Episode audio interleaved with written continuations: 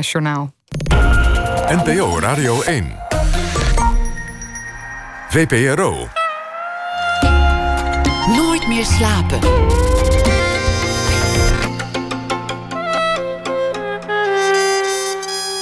Met Pieter van der Wielen. Goedenacht en welkom bij Nooit meer slapen. Jelmer Jepsen komt na ene op bezoek. Hij heeft een nieuwe roman, zijn derde Amanda heet hij. Amanda is 11 jaar oud en gaat vergezeld door een tamme boa constrictor op reis door de Verenigde Staten op zoek naar haar moeder. Janna Loontjes die schrijft een verhaal bij de voorbije dag en zal het voordragen ook na ene. Maar we beginnen komend uur met Marieke Wessels. In het Fotomuseum in Den Haag is een tentoonstelling ingericht met haar werk. Een foto, een momentopname van een seconde of minder zie je natuurlijk geregeld. En dan maak je er meteen een heel verhaal van over wat er gebeurde voordat die foto werd genomen, wat er dan daarna weer zo gebeurde zou moeten zijn. Over hoe de gefotografeerde zich gevoeld moet hebben. Wessels maakt zelf niet zozeer foto's, maar ze verzamelt kiekjes of kaarten of foto's, plaatjes uit de oude doos. En maakt daar vervolgens zelf een verhaal bij. Of dat waar is of niet, dat blijft een beetje in het midden. In filminstallaties en in prachtig vormgegeven boeken en fotowanden. En eh, in Den Haag is nu onder meer te zien uh, een reeks die zij maakte over een meisje in een inrichting. En ook een onderwerp van een obsessie. Marta. Een man, Henry, maakte in de jaren tachtig honderden naaktfoto's van zijn geliefde, zijn muze. En die foto's zijn nauwelijks van elkaar te onderscheiden. Vijf en een half duizend maakte die er. En we kijken naar die naakte vrouw die zich toont aan deze minnaar. Een van de drie getoonde kunstenaars. En uiteindelijk zal ze zich bevrijden van die man die zo door haar geobsedeerd is. Marieke Wessels is geboren in 1963. Ze begon als actrice. Ze heeft ook geschreven, maar maakte pas later de Rietveld af in 2008. En sindsdien maakt ze vrij stormachtig naam in de wereld der kunsten. Vorig jaar won ze vele prijzen. Een vermelding in uh, de reeks Schönste Boeger aller Welt. En op het festival in Arles werd ze ook nog eens uh, geprezen. Kunstboek van het jaar en de Nederlandse-Vlaamse prijs voor beste boekontwerp. Daarin kon ze ook niet ontbreken. Marieke Wessels, hartelijk welkom. Dankjewel. Is een, is een mooie, wonderlijke uh, carrière eigenlijk. Acteren, beetje schrijven, eigenlijk allerlei verschillende dingen doen. Installaties maken en uiteindelijk hier uitkomen. Mm -hmm. Maar het begon allemaal met, met een beetje een magere leerling... die, die maar niet haar school afkreeg. Ja, dat klopt. Wat was er aan de hand? Uh, wat was er aan de hand? Ik ben heel leergierig, dus daar ligt het niet aan. Daar lag het niet aan. Ik denk dat ik... Uh, uh, ik, ik, ik vond het veel. Dat weet ik nog wel. Dat ik, op een gegeven moment had ik een CITO-toets. En moest ik naar de, de middelbare school, gaan naar HAVO.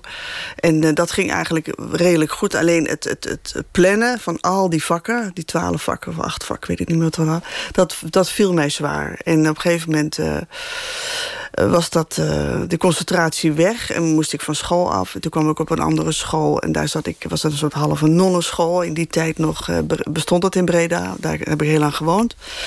En dat, ja, ik had heel veel plezier. Maar het leren ging niet zo vlot. Ik kon me niet echt focussen. En ik was altijd bezig met andere dingen. Met dingetjes knutselen, dingetjes maken. En ik denk dat ik achteraf gezien meer een kind was geweest voor de vrije school. Daar heb ik later mijn zonen ook naartoe gedaan. En ik en dat is volgens mij wel...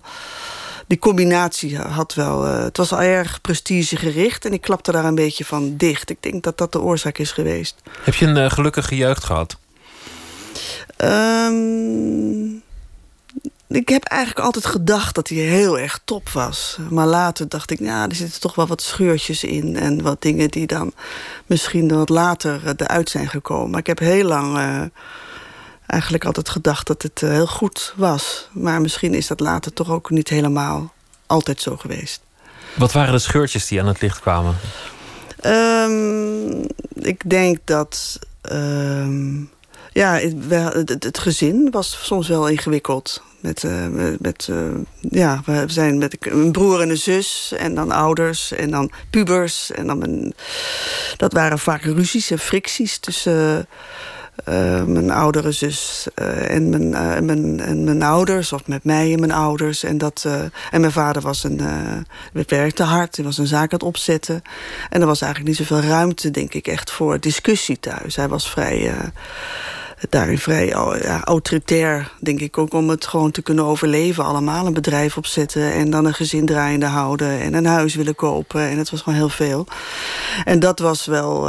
dat, dat zette wel een toon thuis. En, terwijl ik het ook heel, hele goede herinneringen heb... en ook heel veilig heb gevoeld. Maar er was ook spanning wel vaak. Waardoor je als jongste had ik wel eh, vaak de neiging om grappig te doen... of te, vrolijk of dingen uit te halen waardoor het uh, gezellig werd. En dat, dat, daar kwam ik pas veel later achter dat ik dat uh, iets dat toegeëigend heb om uh, een, een, sfeer te veranderen, om een situatie te ontlokken uh, die dan een andere kant op kon gaan. Om iets van jezelf te maken om de sfeer te redden die, die daar aan ja, de hand was. Dat was wel dat dat is me niet gevraagd, maar ik denk dat je dat automatisch als kind doet als je dat dan uh, voelt. Ja. Wanneer kwam dat aan het licht bij jezelf? Want je zei eerst dacht ik dat mijn jeugd altijd wel gelukkig was. En op een zeker ogenblik zag ik pas hoeveel, hoeveel, er, hoeveel scheuren er eigenlijk ook aan de hand waren. Nou, ik denk dat ik. Ik denk dat ieder uh, daar wel. Uh, nou, we zijn, we ben opgegroeid niet in een gezin wat nou uh, alles besprak. We leken heel open en hippieachtig en hadden allemaal leuke dingen. Maar het was niet een gezin waarin werd gevraagd hoe je nou echt voelt. Of, uh, ik denk dat mijn ouders ook niet zo opgegroeid zijn. Mijn moeder was meer uit een katholiek uh, gezin en mijn vader. Ja, het, het was gewoon niet de gewoonte om dat te delen. En ik denk dat dat... Uh, het is ook eigenlijk een vreemde move of niet. Misschien juist ook heel goed. Maar ik kwam op een gegeven moment op de toneelschool terecht. En daar... Uh, ja, iedereen omhelste elkaar en kuste elkaar gedag. En, ik denk, en heel lijfelijk en heel open. En ik denk, we krijgen, ik wist helemaal niet wat ik daarmee aan moest. Ik was ook al heel blij als ik de trein terug kon nemen naar Breda. Maar het was wel iets wat me aantrok. Dus ik dat, denk, dat hele communicatieve versus dat wat minder, ja, wat meer gemankeerde. Dat je, dat je misschien Ja. van huis eh, gewend was.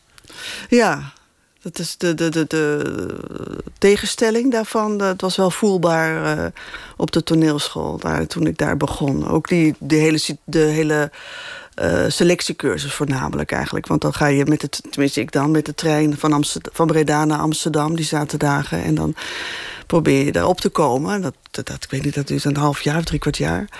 En eh, die, al die kinderen die daar eh, rondliepen... het waren de, je begint met 400, 500 geloof ik... en dat wordt dan steeds minder. Allemaal heel expressief en heel... Ja, over je gevoelens en allemaal delen. En, nou, ik, dat, ik, weet, ik denk wel dat dat toen... eh, ook bij mij wat is gaan lopen. En wat, wat goed is geweest. Want, eh, dat ik dat ook behoefte aan had. Om, die, eh, om te praten, te delen en eh, dat open te gooien. En ik denk dat toen ook dingen uitkwamen van... Goh, misschien was het eigenlijk allemaal niet altijd zo goed. Of ja, daar zaten de dingen. Ja. Iedereen denkt altijd dat zijn eigen jeugd eh, in ieder geval normaal is. Want je, want je hebt geen vergelijkingsmateriaal. Misschien, misschien was het acteren ook al voortgekomen uit wat je thuis deed. Een beetje theater maken om de sfeer te redden. Nou, misschien wel een kant die ik wat, wat dat expressieve, denk ik later, heb ik misschien wel zelf wel aangeleerd. Eh, ten behoeve van dat meer, misschien. Omdat ik het zo frappant vind dat ik het eigenlijk zo fijn vind om juist eh, te werken hoe ik nu werk. Erg op mezelf en in mijn atelier en mijn eigen dingen doen en met mijn eigen eh, ja, sfeer en. en, en eh, gevoelens en zo. En dat dat toch echt wel een heel ander leven is dan in een groep de hele dag repeteren. En op, op pad en in een bus en grappen. En nou ja, voortdurend onder de mensen zijn. Je hebt dat heel lang gedaan en ook op hoog niveau. Je hebt met het Nationaal Toneel gestaan. Je hebt in, in allerlei televisieproducties gespeeld. Ik bedoel, het was niet een, een, een bevlieging of een jeugdzonde. Het is echt een, een serieuze, langdurige carrière geweest. Nou, ik was wel, ja, maar niet heel lang. Op een gegeven moment ben ik wel natuurlijk eh, veranderd. Ja, nee, ik, ik, ik heb Nou, het ook wat, wel... wat was het? Tien jaar, acht jaar, negen jaar? Even kijken. Nou, ik ben in 85 eh, naar de toneelschool gegaan. In 89 afgestudeerd. En eh, daarna nog... 89, ja, toch een jaar of tien ook nog iets gedaan. Dus ja, uiteindelijk wel 10 jaar, 15 jaar, ja. Ja, nee, Denk- ik heb het ook altijd heel serieus eh, natuurlijk eh, bedacht. Het is niet, eh, ja... En als je nu beelden van jezelf ziet, die, die, die zullen vast wel af en toe langskomen. Of foto's van jezelf in een rol op een toneel, in een schouwburg, in een, op een filmzet. Hoe, hoe kijk je daarnaar? Eh, nou ja, mijn zoon hebben wel eens de neiging om iets uit de kast te halen. En dat is, ja, ik vind het heel vreemd. Ik zit echt naar totaal naar iemand anders te kijken. Maar, dat, uh, maar vooral als ik bijvoorbeeld met hun, hun naar de... of als ik naar de Schouwburg ga in, uh, in Amsterdam of in, of in, Den Haag of wat dan ook... of gewoon door het land ergens ben en daar een uh, toneelstuk kijk... Dan, dan denk ik, hè, heb ik hier gestaan? Dat is, ja, dat is heel ver weg vind ik, dat, denk ik, dat zou ik helemaal niet durven meer ook. Dat is een totaal ander leven. Wat, wat, maar een ander iemand in een ander leven lijkt niks met jezelf te maken te Ja, echt waar. Dan, moet, dan moet er een grote verandering zijn geweest. Ja.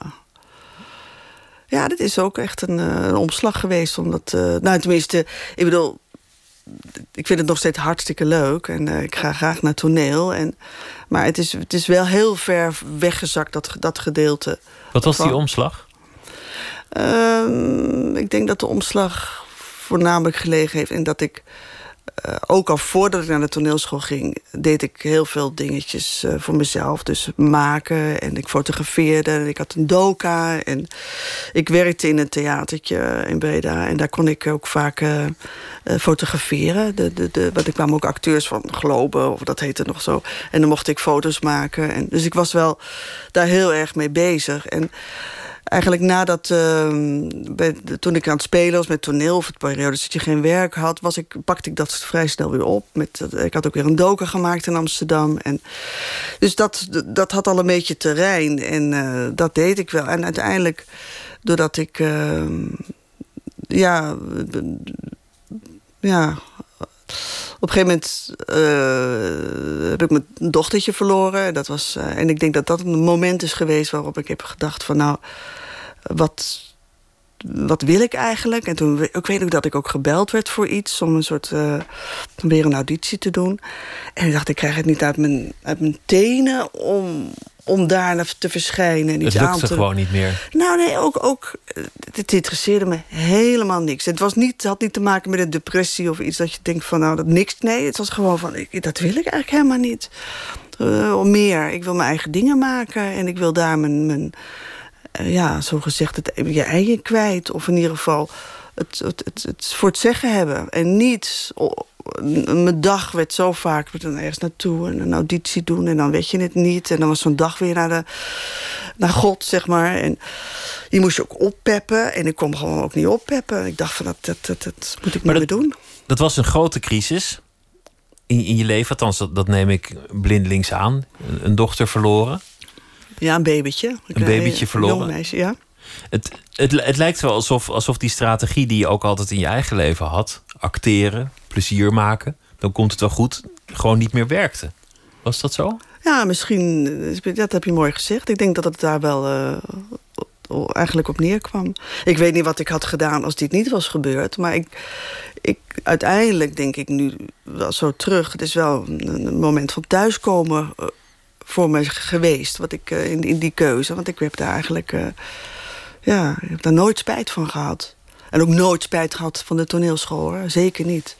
Maar ik denk wel dat dat een... Uh, ja, het maakte heel veel dingen helder. En ook dat. Dat ik dacht van, nou, nu moet ik echt doen wat ik wil. En het was zo helder. Dat was nooit zo helder en toen wel, ja. Het lijkt wel alsof je daarna bijna, omdat die keus zo duidelijk was... misschien, of, of misschien omdat je iets in te halen had zelfs dat het heel snel is gegaan. Vanaf het moment dat je die keuze maakte van oké, de kunst, dat wordt het. Ik, ik ga mijn eigen dingen maken. Vanaf dat moment is het eigenlijk een stormachtige carrière geweest. En ook, ook heel productief. Dan zo lijkt het voor mij als, als buitenstaander.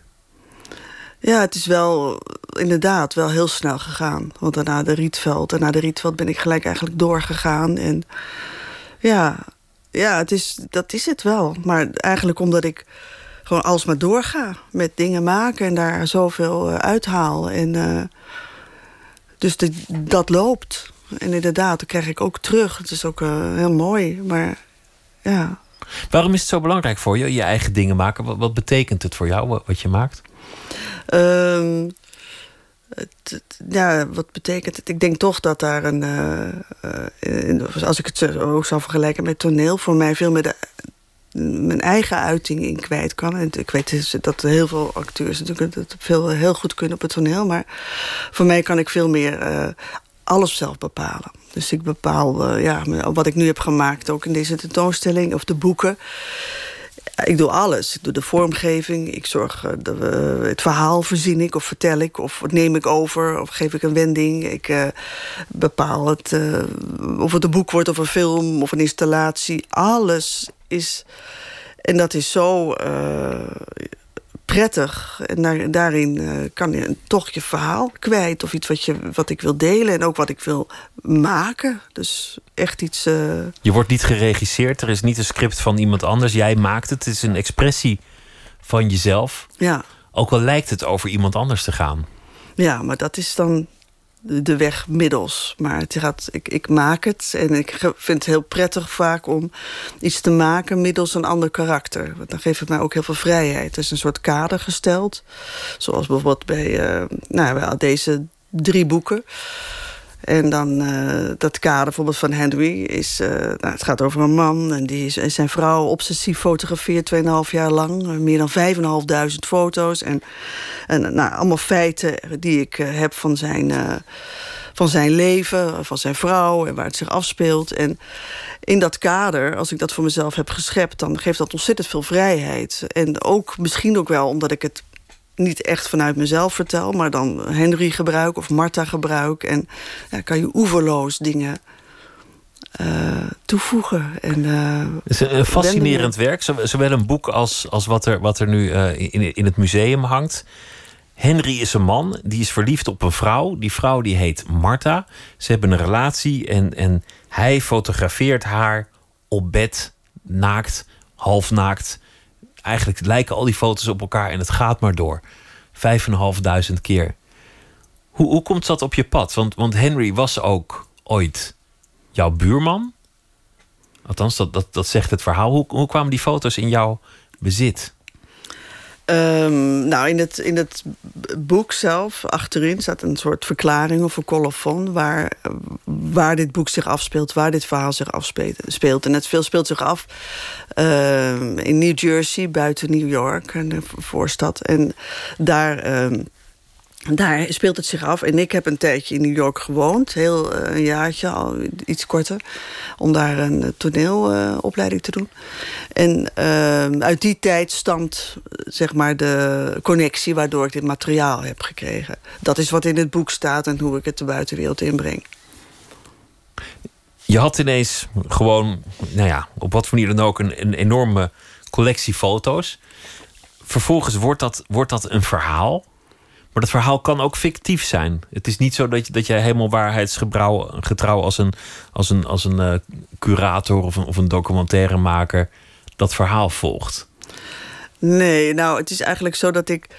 Uh, ik heb het materiaal en al het materiaal wat ik heb, dus dat van Henry of Marta of huizen of briefjes of negatieven of uh, katabelletjes, eigenlijk alles wat ik heb verzameld en wat ik weet, uh, dat, uh, ja, dat schrijf ik eigenlijk op. Of ik maak een en-en eigenlijk. Ik schrijf het en op en ik maak vaak een, aan de muur een bord met allemaal dingen van een soort storyboardachtig, maar dan op totaal mijn eigen manier met wat voor feiten ik heb en waar ik denk dat het naartoe zou kunnen gaan. En wanneer, hoe, nou, hoe oud iemand is. Op, en wat hij dan heeft meegemaakt. Of wat zijn ouders hebben kunnen meemaken. Zijn er oorlogen geweest. En nou probeer een heel beeld te schetsen, te scheppen met feiten die ik heb.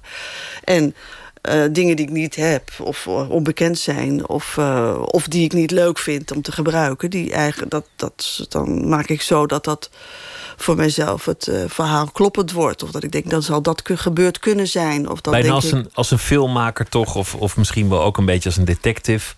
Maar jij, jij maakt gewoon een storyboard, je maakt een volgorde. Je selecteert. Ik, selecteer. Alles heeft te maken met selectie, denk ik. Ja. Maak je ook zelf dingen bij?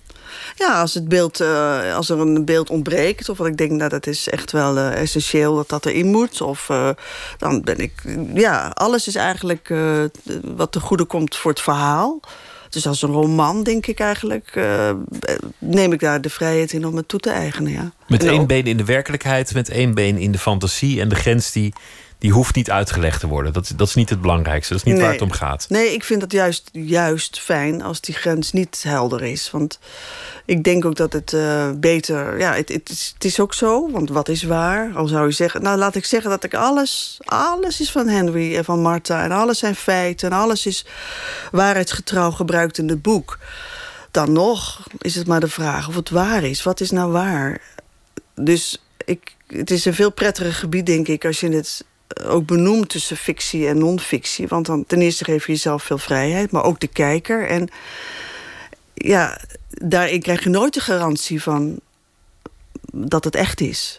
En Dat is wel mooi, want, want mensen hebben vaak de neiging om iets te geloven als ze, als ze beeld zien. Dat is ook een, een bekende uitspraak tegenwoordig: eh, pics or it did not happen. Je moet een foto laten zien, maar juist een foto is leugenachtig. Het is maar één seconde. ja, Weet jij veel wat er voor, eh, vooraf gebeurde, wat er buiten het kader ja gebeurde? dat, is, dat is vaak het spannendste. De afwezigheid van beelden en eh, het spel daartussen, denk ik. Want dat gaat de kijker, eh, daar gaat de fantasie op hol. Dat is, dat is de essentie van fotografie. Dat je dingen erbij fantaseert terwijl je maar één shot. Absoluut. Nou, en dat doe ik krijgt. eigenlijk ook in het, in het groter dan. In, dan niet in één shot, maar in een verhaal, in een boekvorm. Het, het mooie aan Henry en zijn relatie met Martha is, is dat je het obsessief kunt noemen. Je kunt hem als een soort eh, zieke man zien die maar zijn vrouw naakt wil fotograferen. Want het zijn er wel erg veel. De, de rolletjes die vlogen vrij snel eh, Ja. vol in, eh, in, in huizen Henry. Maar tegelijk kan je ook zeggen, het is liefde. Hij blijft naar haar kijken. Het is, het is zijn muze. Het is, Hij ja. adoreert haar. Ja, ik denk dat voor mij is dat wel de motor geweest, dat het liefde is. En ik denk wel dat dat, eh, dat moet ook wel zo zijn. En ook als je, ik, kijk, als je er naar kijkt, inderdaad, dan zie je haar, Martha heel vaak eh, ja, verveeld kijken. Of eh, totaal niet met de gedachten erbij. Of nou ja, niet aantrekkelijk of een sleur. Maar je ziet ook in die attribuutjes eromheen... een glaasje wijn, een sigaretje, een biertje. eh. dus er zijn, dat is, het is, het is wel een, een opstelling of een avondje... wat daar toch helemaal eh, gemaakt wordt. En waar zij ook aan deelneemt. En misschien ja, is het daar vooraf wel leuk... en het dan fotograferen of daarna. Of, je kan natuurlijk eh Ik, ik alles projecteerde ook van alles erop. Ik zag de verveling geleidelijk aan de, de relatie insluipen. Ja. De, de blik werd, werd, werd wat, wat doffer, wat doodser. Ja, absoluut. en dan zat ze weer op de rand van de bed met, met haar ontblote borsten. En die man maar weer fotograferen. En dan zie je toch wel in, in het hoofd van Marta... een beetje een, een soort inschatting van de vluchtroutes eh, Ja. gaan. Ja, dat klopt. Dat, eh, dat, dat zie ik ook duidelijk. En dat eindigt ook echt met een... eh, dat ze een rode mantel aan heeft. En echt van, als, als een stier... eh, Strijdbaar. strijdbaar uit. En dat ze al besloten heeft... Dit, dit, hier ga ik uit weg. En, eh, dus daar zit wel een hele opbouw in. In al die fotootjes. Dat ze daar niet... eh, maar ik denk wel dat het eh, over liefde gaat. Maar het gaat misschien ook wel over het onvermogen... om dat te communiceren, die liefde. Gemankeerde communicatie. Gemankeerde communicatie, ja. Dat denk ik, eh, daar gaat het voor mij althans wel over. Als ik eh, aan die foto's denk en aan Henry, eh, hoe die daarmee omgaat. En ik denk ook dat hij, eh, ja, hij heeft de camera, die zit er altijd tussen. En dat, eh, maar, maar hij is wel, eh, denk ik, helemaal bezeten van haar. Want het is het enige object, eh, of, of, of, of iets wat hij fotografeert. Zijn handicap is misschien ook wel dat hij niet door zijn eigen ogen kan kijken. Dat hij het altijd door een venstertje moet zien. Ja. Dat, ja. hij, dat hij kennelijk altijd met de buitenwereld bezig is. Of het niet zelf wil bekijken, maar het wil tonen, wil terugzien. Ja, en het wil tonen en wil terugzien en ook wil eh, eh, behouden. Want er zit ook een eh, systeem, legt hij vast... waarin hij de, de, de houdingen van Martha noteert. Dus op een gegeven moment staat er ook taking off. Dat is de titel geworden. Of squeeze, of best, best, good, good. En dus hij maakte niet alleen maar de afstandelijkheid eh, is enorm voelbaar. Terwijl daar ook een soort onmacht in zit... die ook weer eh, neigt naar eh, ja, wanhopige liefde. Maar dan maar vastzetten in een papier en, en noteren van...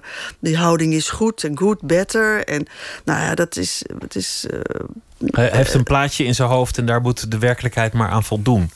Misschien Ja. is dat wel een plan. Het eindigt met Marta die er vandoor gaat. Het boek heb je ook aan haar opgedragen omdat ze moedig is om, om daaruit te breken.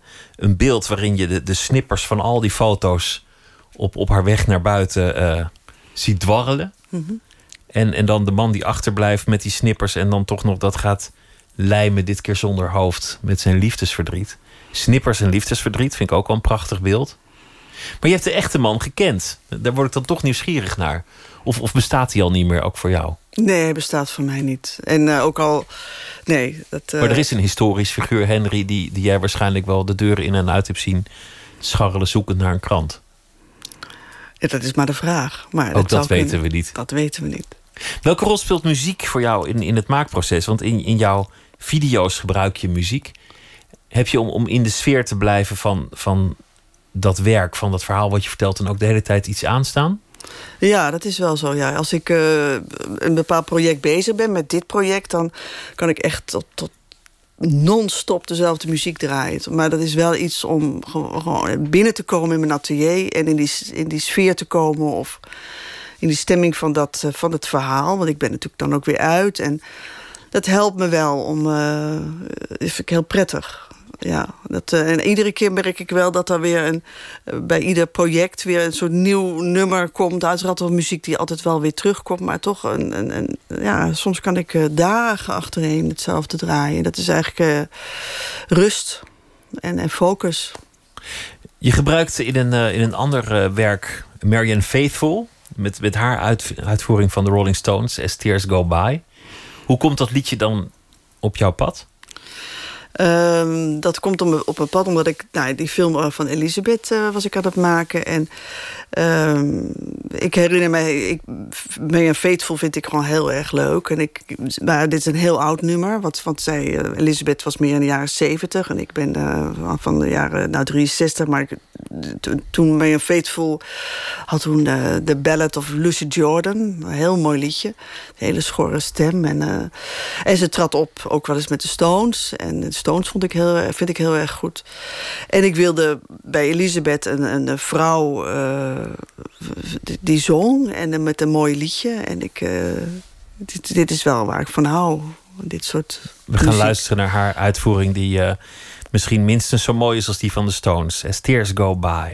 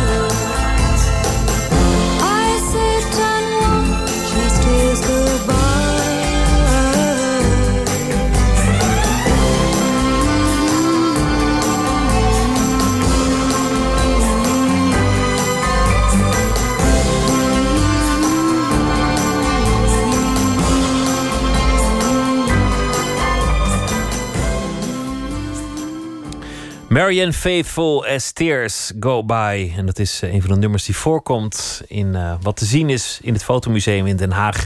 En dat heet I'm Okay, You're Okay. De expositie van Marieke Wessels die tegenover mij zit. We begonnen met uh, je jonge jaren. Een leerling die te veel dingen tegelijk deed en zich niet kon concentreren. Die dacht dat de jeugd gelukkig was, want zo, zo kwaad was het allemaal ook weer niet. Het was niet slecht, maar pas later realiseerde je wat de scheuren waren. De, de, waar het onvermogen zat om te communiceren. Iedereen was te druk met, met andere dingen. En uh, je vertelde hoe je actrice bent geweest en dat vol passie hebt gedaan, maar daar op een zeker ogenblik na een uh, traumatische gebeurtenis in je eigen leven in vast bent gelopen. Je, je, verloor een baby en daarna kon je gewoon niet meer. En misschien was daarmee ook je eigen strategie wel uh, achter je gelaten van, van het acteren, van, van het vrolijk doen, spektakel maken om de sfeer maar te redden. Sindsdien maak je je eigen werk. Veel daarin lijkt ook te gaan over gemankeerde communicatie.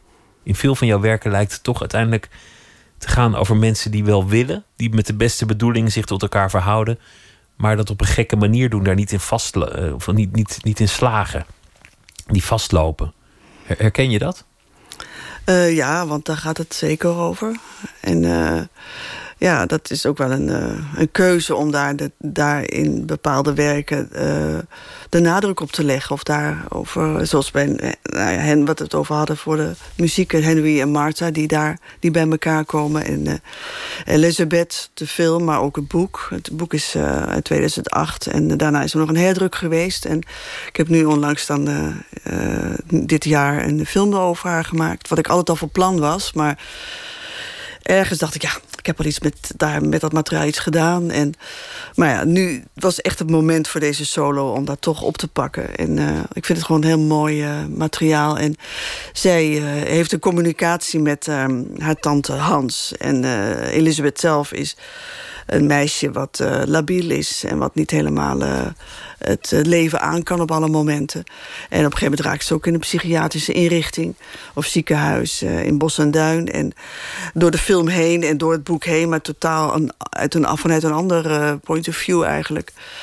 Um, heeft ze een communicatie, een, een, briefwisseling met tante Hans. En haar tante geeft vanuit het verre Italië, Caraveno, allemaal adviezen die, uh, ja, die klinken nogal uh, afstandelijk. En daar zie je Elisabeth... Uh, ja, de, eenzaamheid, terwijl die brieven of in het boek of in de film naar, bij haar naar binnen komen, zie je dat het nikt, dat ze heel eenzaam blijft. Al is er contact, het contact is zo oppervlakkig of zo, uh, ja, komt zo niet aan. En daar gaat het bij dit werk ook over. Ja. Tante Hans bedoelt het goed en geeft goed bedoelde adviezen, maar schrijft dan dingen die, die uitblinken in, er, in toch een gebrek aan empathie.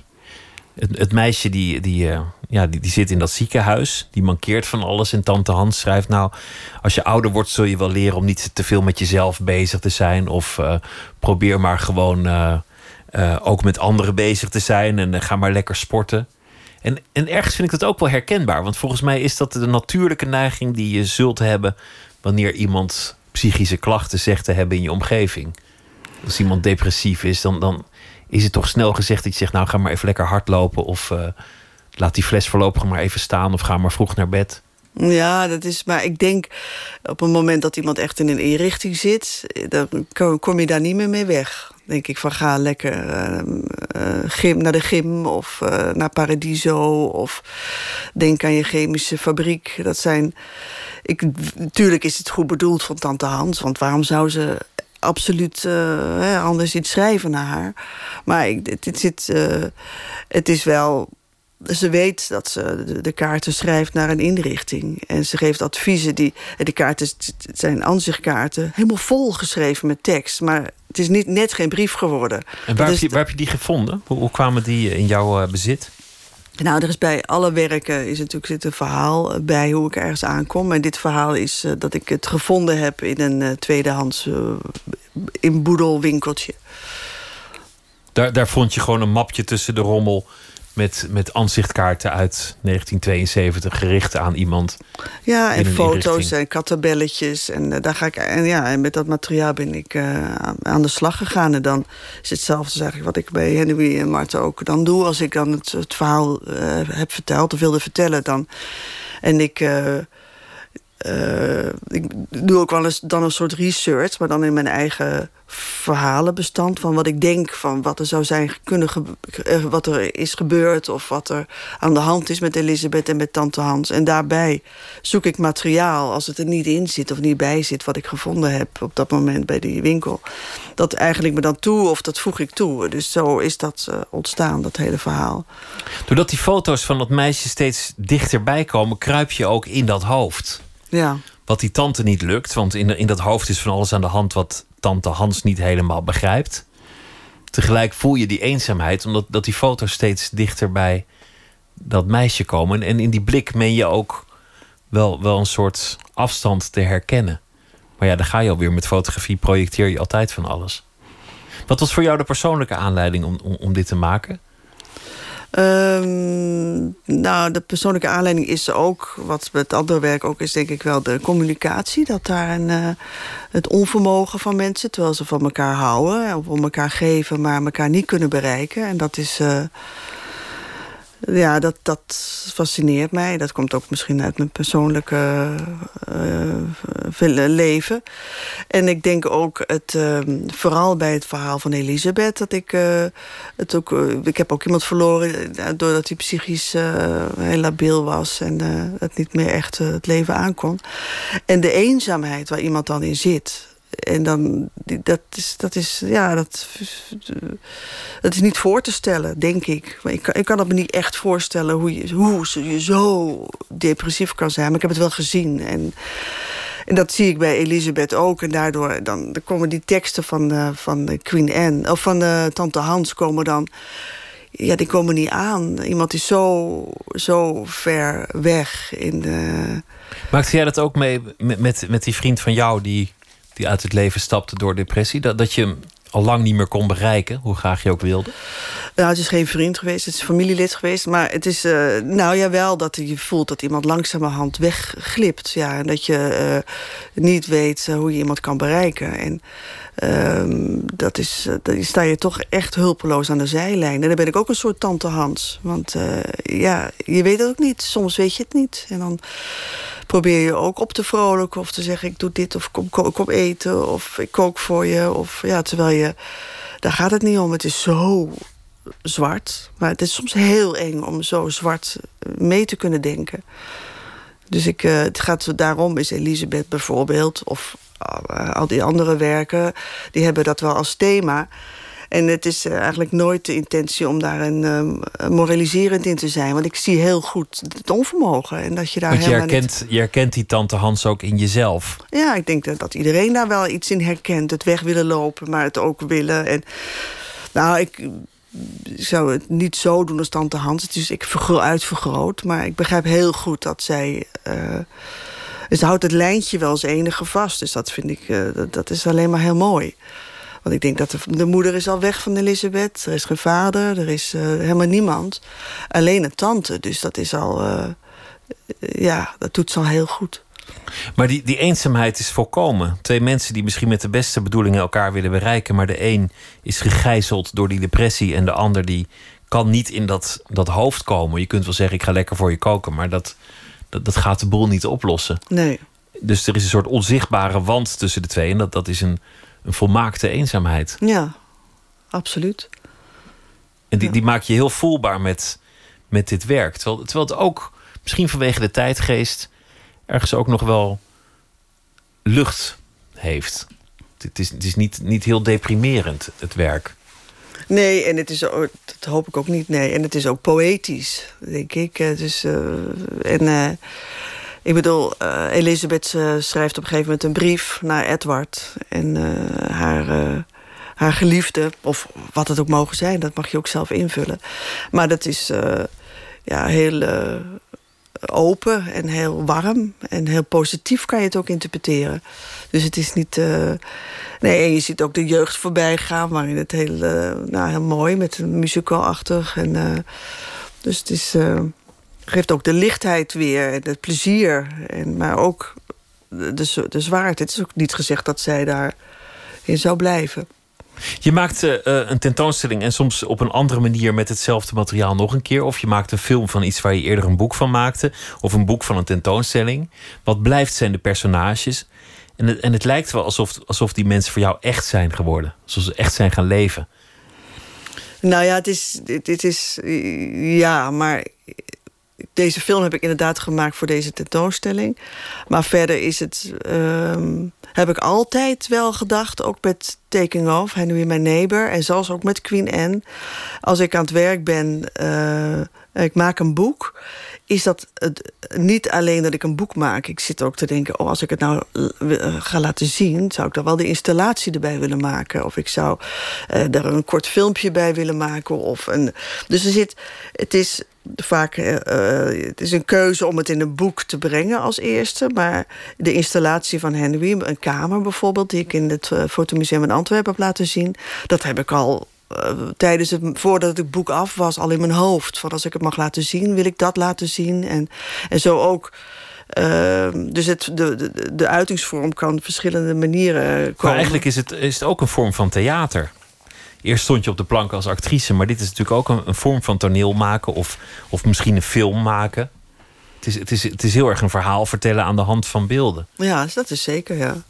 Dus, dus die disciplines die zijn er nog steeds allemaal wel. Ja, ik denk het wel, ja. Want het, zit, het, is allemaal verweven. Want ik heb bijvoorbeeld ook voor deze tentoonstelling uh, een, uh, speciale editie gemaakt. Dus een, een box, uh, zoals Marcel Duchamp als beste deed. Maar een box en dan kan je met, met de laadjes het uitschuiven. Dan zie je het ene boek komt tevoorschijn. Elizabeth, Queen Anne en Taking Off. En nog een ander, andere lade, daar zitten foto's in. En daarbovenop allemaal vakjes met kleine attribuutjes... die dan weer horen bij Elizabeth of bij Queen Anne of bij Henry. En dat zijn allemaal weer, ja, uh, hoe noemen we dat? Spulletjes die je gebruikt bij een, um, een props. Of, of dat is heel toneelmatig. Van een stukje van een BH of een uh, uh, klein fotootje wat iemand in zijn zak zou kunnen hebben. Of, dus dat is ja, hoe je bij een toneelstuk of bij een film. Je, je probeert een heel leven of een hele wereld in, in een, een doos te stoppen, bijna alsof het een boek is. Ja. Of de grenzen van wat een, het medium boek nog in kan houden. Die, die verken je en passant ook. Het is natuurlijk ook iets wat jij doet... dat, dat je niet had kunnen bedenken als twaalfjarige... dat je dat zou kunnen gaan doen. Nee.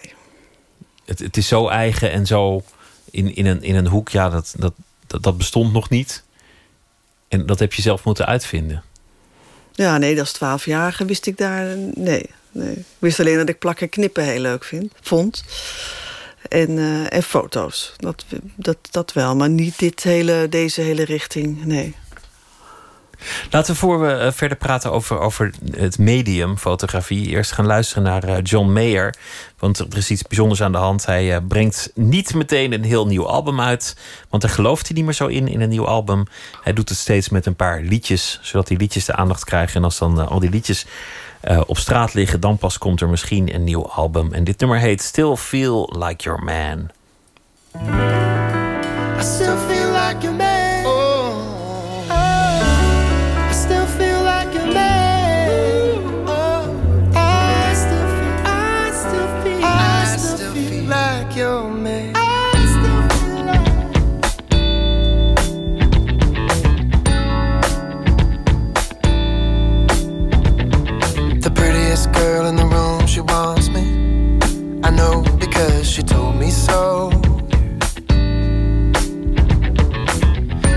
Come over. I'd like to get to know you, but I just don't think I can. Cause I still feel like your man.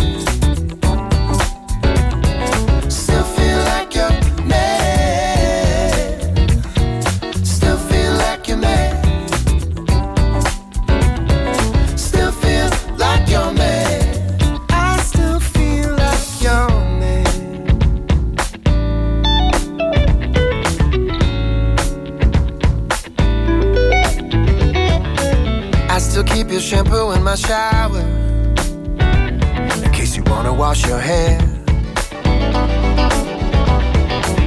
And I know that you probably found yourself some more somewhere, but I do not really care. Cause as long as it is there,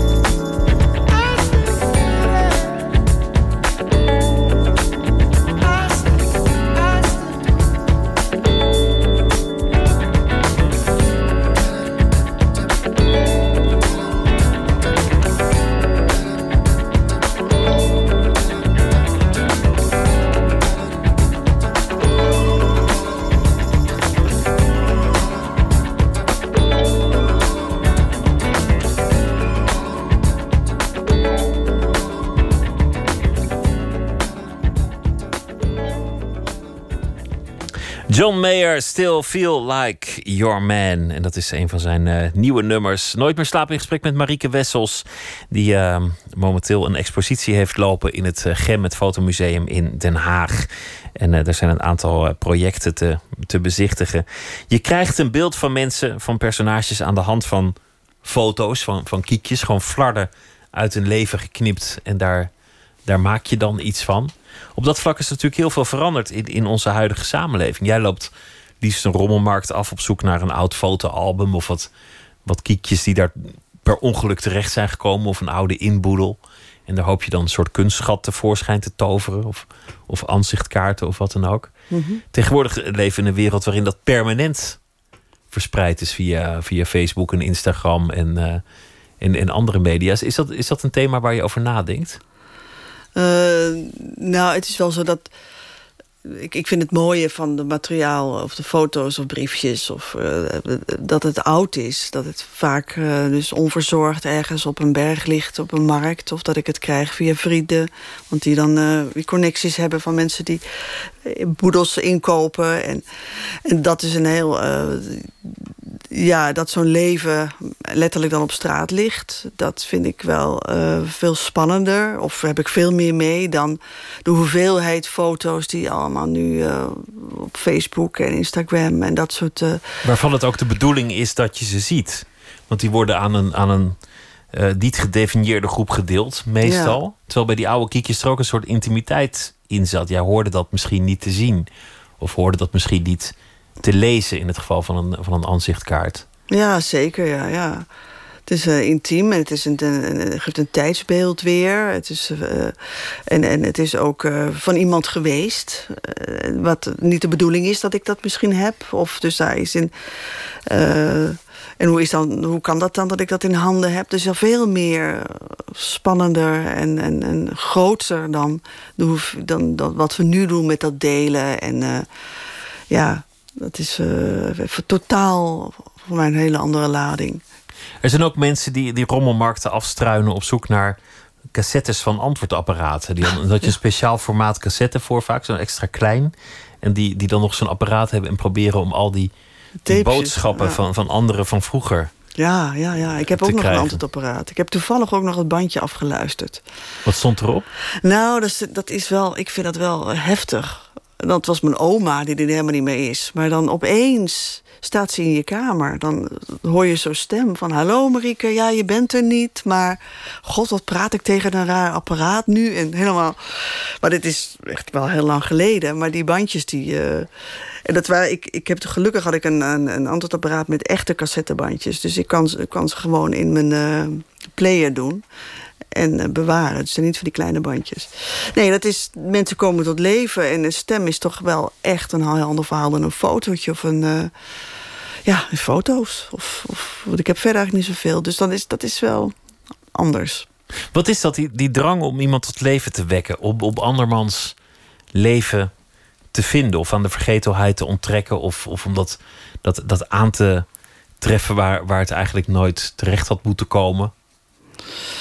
Ehm, nou ja, ik denk dat het ook te maken heeft met uh, het, het, het, tijd en vasthouden. En weet dat je eigen leven ook voorbij gaat. En dat dat. Uh, ze waren ook jong in, die, in zo'n album en hebben ook kindjes gekregen en dit. En dan zie je dat voorbij gaan. En je, weet dat je zelf ook een fotoalbum hebt bijgehouden. Of dat doe ik nog steeds. En dat, dat fascineert me. Ik denk. De levens ja. die voorbij gaan. De, de momenten die vervliegen. Ja, ja. Maar wat is dan de drang om, om, om dat helemaal tot leven te wekken? Ik kan me erg zo voorstellen dat iedereen het zou doen. Dat je een foto ziet en dan denkt: oh ja, wat is eigenlijk het verhaal hierachter? Of was het wel een leuke vakantie die ik hier heb, uh, heb aangetroffen? Maar er zit ook een, een bijna extreme empathie in om iemand dan echt een volledig personage te willen maken. Ja, ja, dat, dan, dat, daar ga ik dan helemaal heel diep op in. Dat, dat, uh, dat wil ik gewoon doen. Dan uh, interesseert me dat en dan intrigeert me dat. Of met Elisabeth ook. Dan, ja, dat houdt me enorm bezig. Waarom, uh, ja, waarom zit iemand daar? En wat heeft ze dan gedaan? En hoe gaat dat met haar? En ja, dat, dat blijft... Uh, kijk, ik heb ontzettend veel archiefmateriaal inmiddels. En krijg heel veel van mensen... Of komen ze, mensen die iets ze komen inmiddels ook brengen. brengen of aanbieden of wat dan ook. En niet, ja, en op bepaalde momenten in mijn leven... Op bepaalde, dan intrigeert me opeens dat en laat me niet los. En, dan, en wat dat dan precies is, is... Ja, het heeft uh, inderdaad met een... Uh, dat ik daarin in voel en inleef in zo'n uh, leven of personage... en dat dan daar iets mee wil doen. En dat, maar dat, is ook, dat gaat ook verder dan een paar uren of een paar middagen. Dat, dat is een aaneengesloten periode van weken. Ja dat, dat het proces aan de gang is. Ja, ja, soms wel veel langer, soms wel een jaar. Ja, omdat ik. Uh, ja, het, het, een idee ontstaat dan. Of ik krijg, dat, krijg materiaal wat me dan uh, interesse opwekt. Of ik denk, nou, daar wil ik iets mee. Maar dan, voor mij is het heel belangrijk om een soort... Uh, ja, uit te gaan zoeken waar iemand dan vandaan komt. En waar, iemand, waar het naartoe gaat, het verhaal. Of waar iemand geleefd heeft. Hoe oud is iemand geworden. Nou, echt zo gedetailleerd mogelijk dat de of uit te zoeken of anders toe te voegen. En, maar in ieder geval dat voor mezelf te, te kadreren. Waardoor ik weet van nou daarin uh, hoort dit leven. En dan ja, heb ik vrijheid om uh, dingen te maken. En, dan begint het pas. Er is ook een, een derde um, een verhaal. Dat, dat is een vrouw die, die, die juist zichzelf te dik vindt. Die, die, die ontevreden is over haar lichaam. En op andere, allerlei manieren zelf middels fotografie dat probeert te corrigeren. Ja. Tot aan het, het uitknippen van de eigen buik aan toe. Wat een, wat een vrij absurde handeling is natuurlijk. Ja. Om, je, om je eigen buik. Wat, wat is daar het verhaal achter? Hoe kwam dat op je, op je weg? Nou, zij heeft. Uh, het is, wat was een.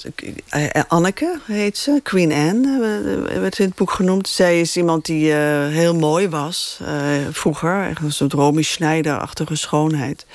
En ehm, zo, hè, zo heb ik het verteld in het boek. Ik bedoel, er zijn en uh, zij wordt later, uh, ze heeft er moeilijk, in dat boek komt, zie je dat ook wel, er gebeuren wat dingen in de jeugd, waardoor ze op een gegeven moment uh, heel veel gaat eten en obesitas wordt en ook zieker wordt, waardoor ze ook dik wordt. Maar dat is wat het, waar het echt, wat ik het belangrijkste onderwerp van dit verhaal vind, is dat ze enorm met zichzelf bezig is en heel narcistisch. En op een gegeven moment ook het zelfbeeld een beetje behoorlijk verliest. Waardoor ze ook altijd naar haar jeugdfoto's kijkt en zichzelf jong ziet. En ook als ze zich fotografeert uh, of een foto van haarzelf ziet... die zo verknipt, waardoor ze weer slank is. Dus eigenlijk is het gewoon niet gebeurd. Eigenlijk, en dat wegknippen van dat buikje...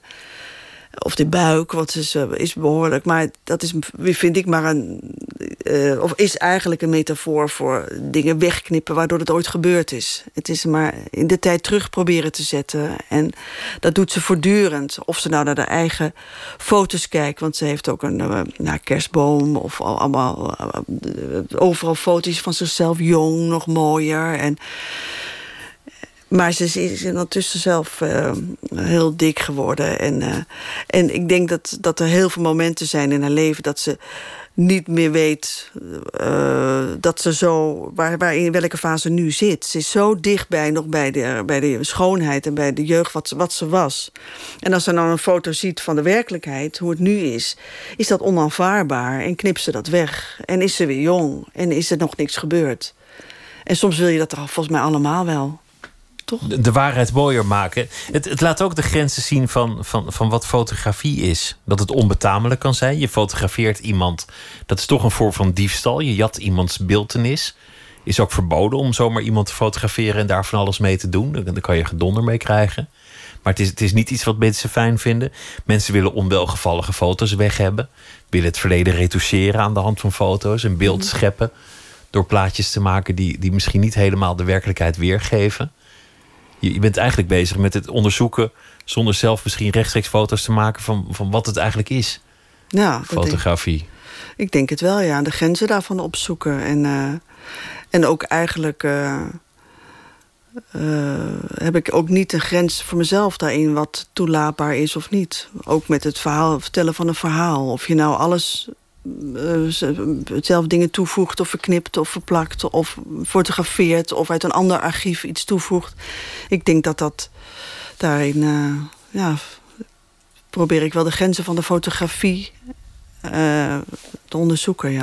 En dat vind ik interessant in zo'n fotomuseum, omdat de, de fotografie toch een beetje worstelt met het feit dat, dat, er, dat er zoveel foto's zijn inmiddels. En dat, en dat iedereen met zijn mobieltje al best een aardige foto kan maken de fotografen proberen op allerlei manieren dat terug te overbluffen. Om zichzelf staande te houden. Ja, daar ben ik niet mee bezig. Maar ik kan me voorstellen dat dat wel aan, aan fotografie kleeft nu vanwege de hoeveelheid. Maar ik, eh, nee, dat, nee, dat maak ik mij gezegd geen zorgen over. Ik, daar heb ik ook helemaal niks mee. Voor mij is het uh, zo boeiend materiaal. Ik denk uh, dat, daar, dat het onuitputtelijk is te zien in het uh, Gem in Den Haag. Hartelijk dank, uh, Marieke Wessels. En uh, heel veel succes. Dank je wel. Dank je wel. We gaan zometeen verder met nog veel meer cultuur. En we zitten op Twitter, het VPRO NMS. En ook op Facebook. Nooit meer slapen. Op Radio 1. Het nieuws van alle kanten.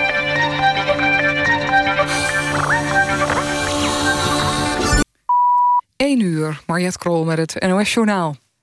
Het lijkt erop dat verfgigant Axo Nobel en zijn Amerikaanse concurrent PPG Industries praten over een fusie. Volgens persbureau Bloomberg overwegen de Amerikanen een overnamebod te doen. Volgens persbureau Reuters ligt het initiatief juist bij Axo Nobel. De bedrijven zijn ongeveer even groot... met elk een jaaromzet van zo'n 14 miljard euro... en een kleine 50.000 werknemers. PPG is onder meer bekend van de verfmerken Histor en Rambo. In de buurt van de Iraakse stad Tikrit zijn op een bruiloftsfeest zeker 23 doden gevallen. Twee zelfmoordterroristen bliezen zichzelf op tussen de gasten. Toen even later hulpverleners bij de slachtoffers waren... zouden er nog twee bommen zijn afgegaan. De verantwoordelijkheid is nog niet opgeëist... maar de Iraakse veiligheidsdiensten denken dat terreurgroep IS erachter zit.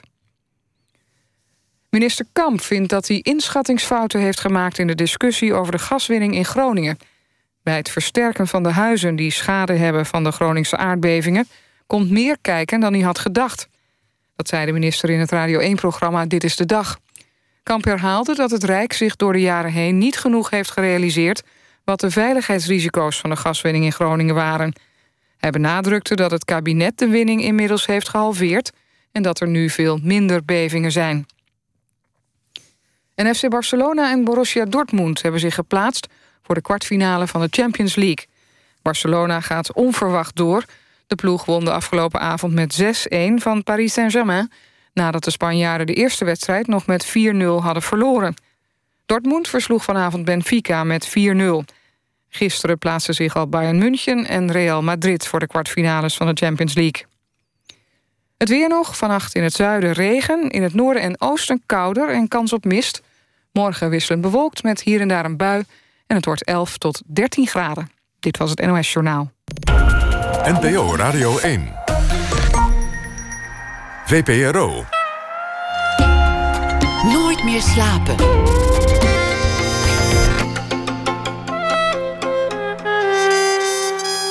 Met Pieter van der Wielen. Ze werken zich ook eh, te pletter aan het boek, maar ze worden zelden genoemd. De vertalers. Zometeen een eh, gesprek met Sam Garrett, die het eh, boek De Avonden van Reven heeft vertaald naar het Engels. En daarbij veel lof heeft gekregen in de Verenigde Staten en Groot-Brittannië. Jelmer Jepsen komt op bezoek. Hij is schrijver. Hij heeft een boek geschreven, Amanda, waar hij over komt vertellen. En Janna Loontjens, die heeft een verhaal gemaakt bij de voorbije dag. Maar eerst het culturele nieuws. 230 jaar lang werden ze verloren gewaand. Twee schilderijen van de 17e-eeuwse kunstenaar Jurian Andriessen. Tot een man uit Milaan het Rijksmuseum opbelde. Hij ging verhuizen en had in zijn huis geen plek voor de twee grote schilderingen. Het eh, grootste obstakel was dat het plafond te laag was. De werken zijn twee marmeren beelden getiteld Bagante en Vrede. En uh, die zijn dus nu weer uh, terechtgekomen bij het Rijksmuseum. Nederlandse film- en televisieproducenten hebben de Nederlandse overheid gedagvaard. Ze beschuldigen de staat van een gebrekkige aanpak eh, om het illegaal downloaden van films tegen te gaan. Terwijl dat al sinds april 2014 verboden is. En daarom hebben ze de overheid aansprakelijk gesteld voor financiële schade die zij hebben geleden door alle illegale downloads. Vooralsnog wil de overheid niet aan tafel gaan zitten met de gedupeerde producenten. Het Amerikaanse tijdschrift The New Yorker heeft vandaag een poetry bot gelanceerd. Daarmee willen ze de gebruiker op een nieuwe manier met poëzie kennis laten maken. Via sociale media zal de bot onbeperkt en geheel willekeurige gedichten delen van uiteenlopende dichters. Het wordt wel de Nobelprijs van de fotografie genoemd, de Hasselblad Award. En die werd nog nooit eerder door een Nederlander eh, gewonnen. Terwijl de allergrootste fotografen van de wereld uit de geschiedenis wel op de lijst van laureaten staan. En uh, vandaag ging die dus naar Rieneke Dijkstra voor haar gehele oeuvre. En dat is een uh, prachtige gebeurtenis. Aan de telefoon Frits Giersberg. Hij is curator van het Nederlands Fotomuseum in Rotterdam. Goeienacht. Goeienacht. Een mooi moment voor de Nederlandse fotografie. Een, een enorme eer. En het is toch uh, altijd mooi als dat naar een Nederlander gaat. Kwam het voor u onverwacht?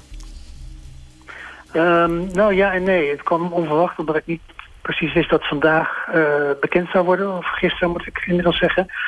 Maar ja, Rieneke Dijkstra is natuurlijk niet de eerste de beste. En ik denk dat ze toch al een paar keer stiekem was genomineerd of een kans maakt. Maar in die zin is het dus geen verrassing. Maar het is wel een fantastisch, uh, een fantastisch bericht. En uh, ook heel goed voor de Nederlandse fotografie. Behalve voor haar natuurlijk. Ze staat nu in, uh, in een rijtje met mensen als Cartier-Bresson, om maar eens wat te noemen. En, en zo nog. Ja, eigenlijk, eigenlijk tussen de, de hele grote monumentale namen van de geschiedenis van de fotokunst.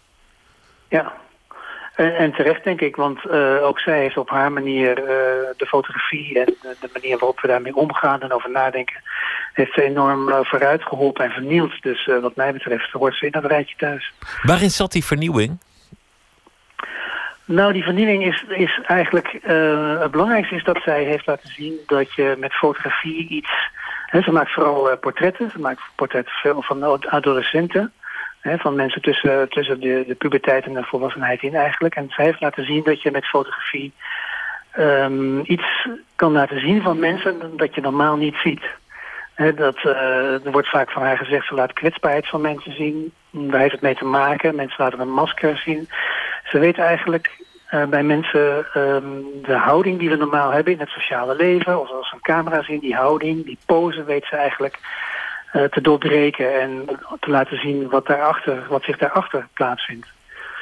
Uh, dat klinkt misschien wel heel abstract. Als je het ziet, dan begrijp je toch wel, denk ik, uh, wat, zij, wat zij doet met haar fotografie. En dat dus was in de jaren negentig, toen zij begon, absoluut helemaal nieuw. En inmiddels is het zo dat geen, geen geschiedenis van de fotografie geschreven kan worden zonder haar foto's erin op te nemen. Nee, dat kan echt niet meer. Ze staat echt in alle boeken en ze zit in alle grote collecties. En de grote musea staan, denk ik nu nog meer in de rij om, eh, om een tentoonstelling met haar te maken. Een, eh, een, een, mooie prijs voor een, eh, voor een bijzondere fotograaf. Gaan jullie er nog iets mee doen als fotomuseum? hebben jullie de plannen om, om weer eens wat van haar te, te tonen?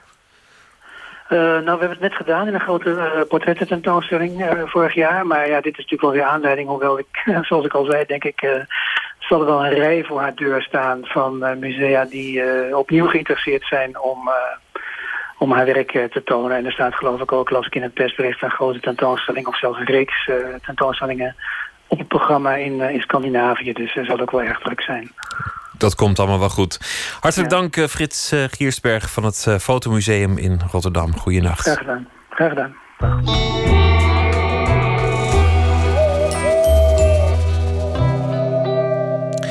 Imelda May is een Ierse zangeres, werkt samen met uh, gitaarlegende Jeff Beck voor dit nummer Black Tears.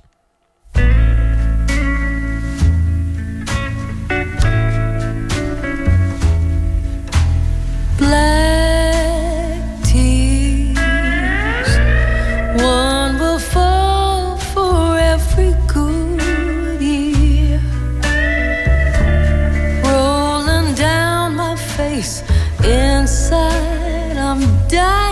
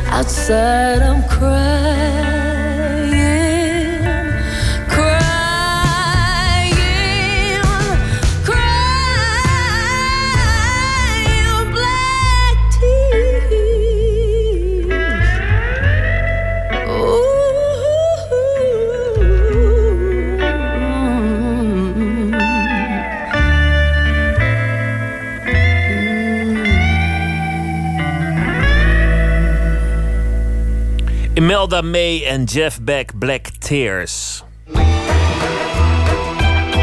Nooit meer slapen.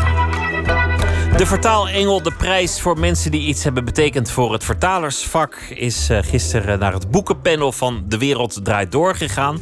Het televisieprogramma, omdat ze daarin tegenwoordig de vertaler vermelden wanneer er een boek wordt besproken of aanbevolen. Dat gebeurt uh, maar weinig. Ook in dit programma wordt eigenlijk zelden een vertaler genoemd. En daarom gaan we dat allemaal maar even inhalen. En een vertaler in het zonnetje zetten. In dit geval de man die niet alleen Gunberg, Wieringa en Koch naar het Engels heeft vertaald, maar zich ook heeft gewaagd aan de klassieker De Avonden en de andere klassieker Turks Fruit. Sam Garrett, een reportage van Tjitske Musche.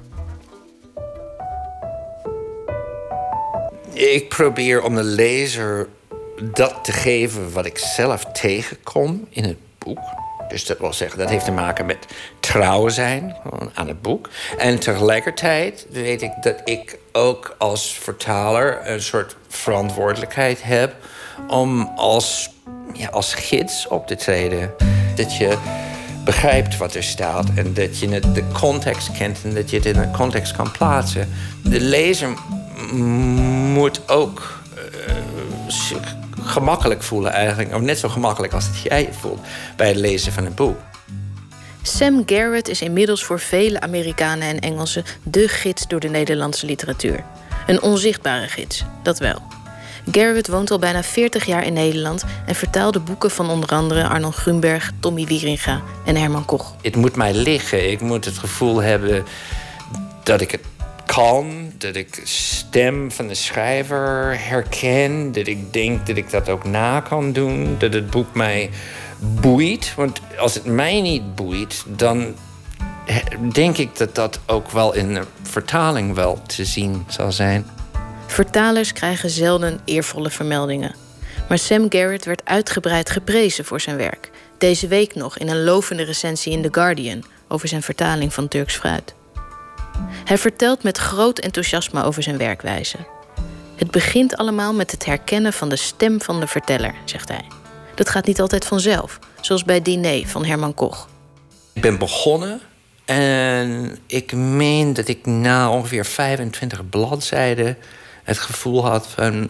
het gaat niet echt goed. Er is iets... Ja, er, gaat iets mis hier en ik weet niet wat het is. En ik ben teruggegaan.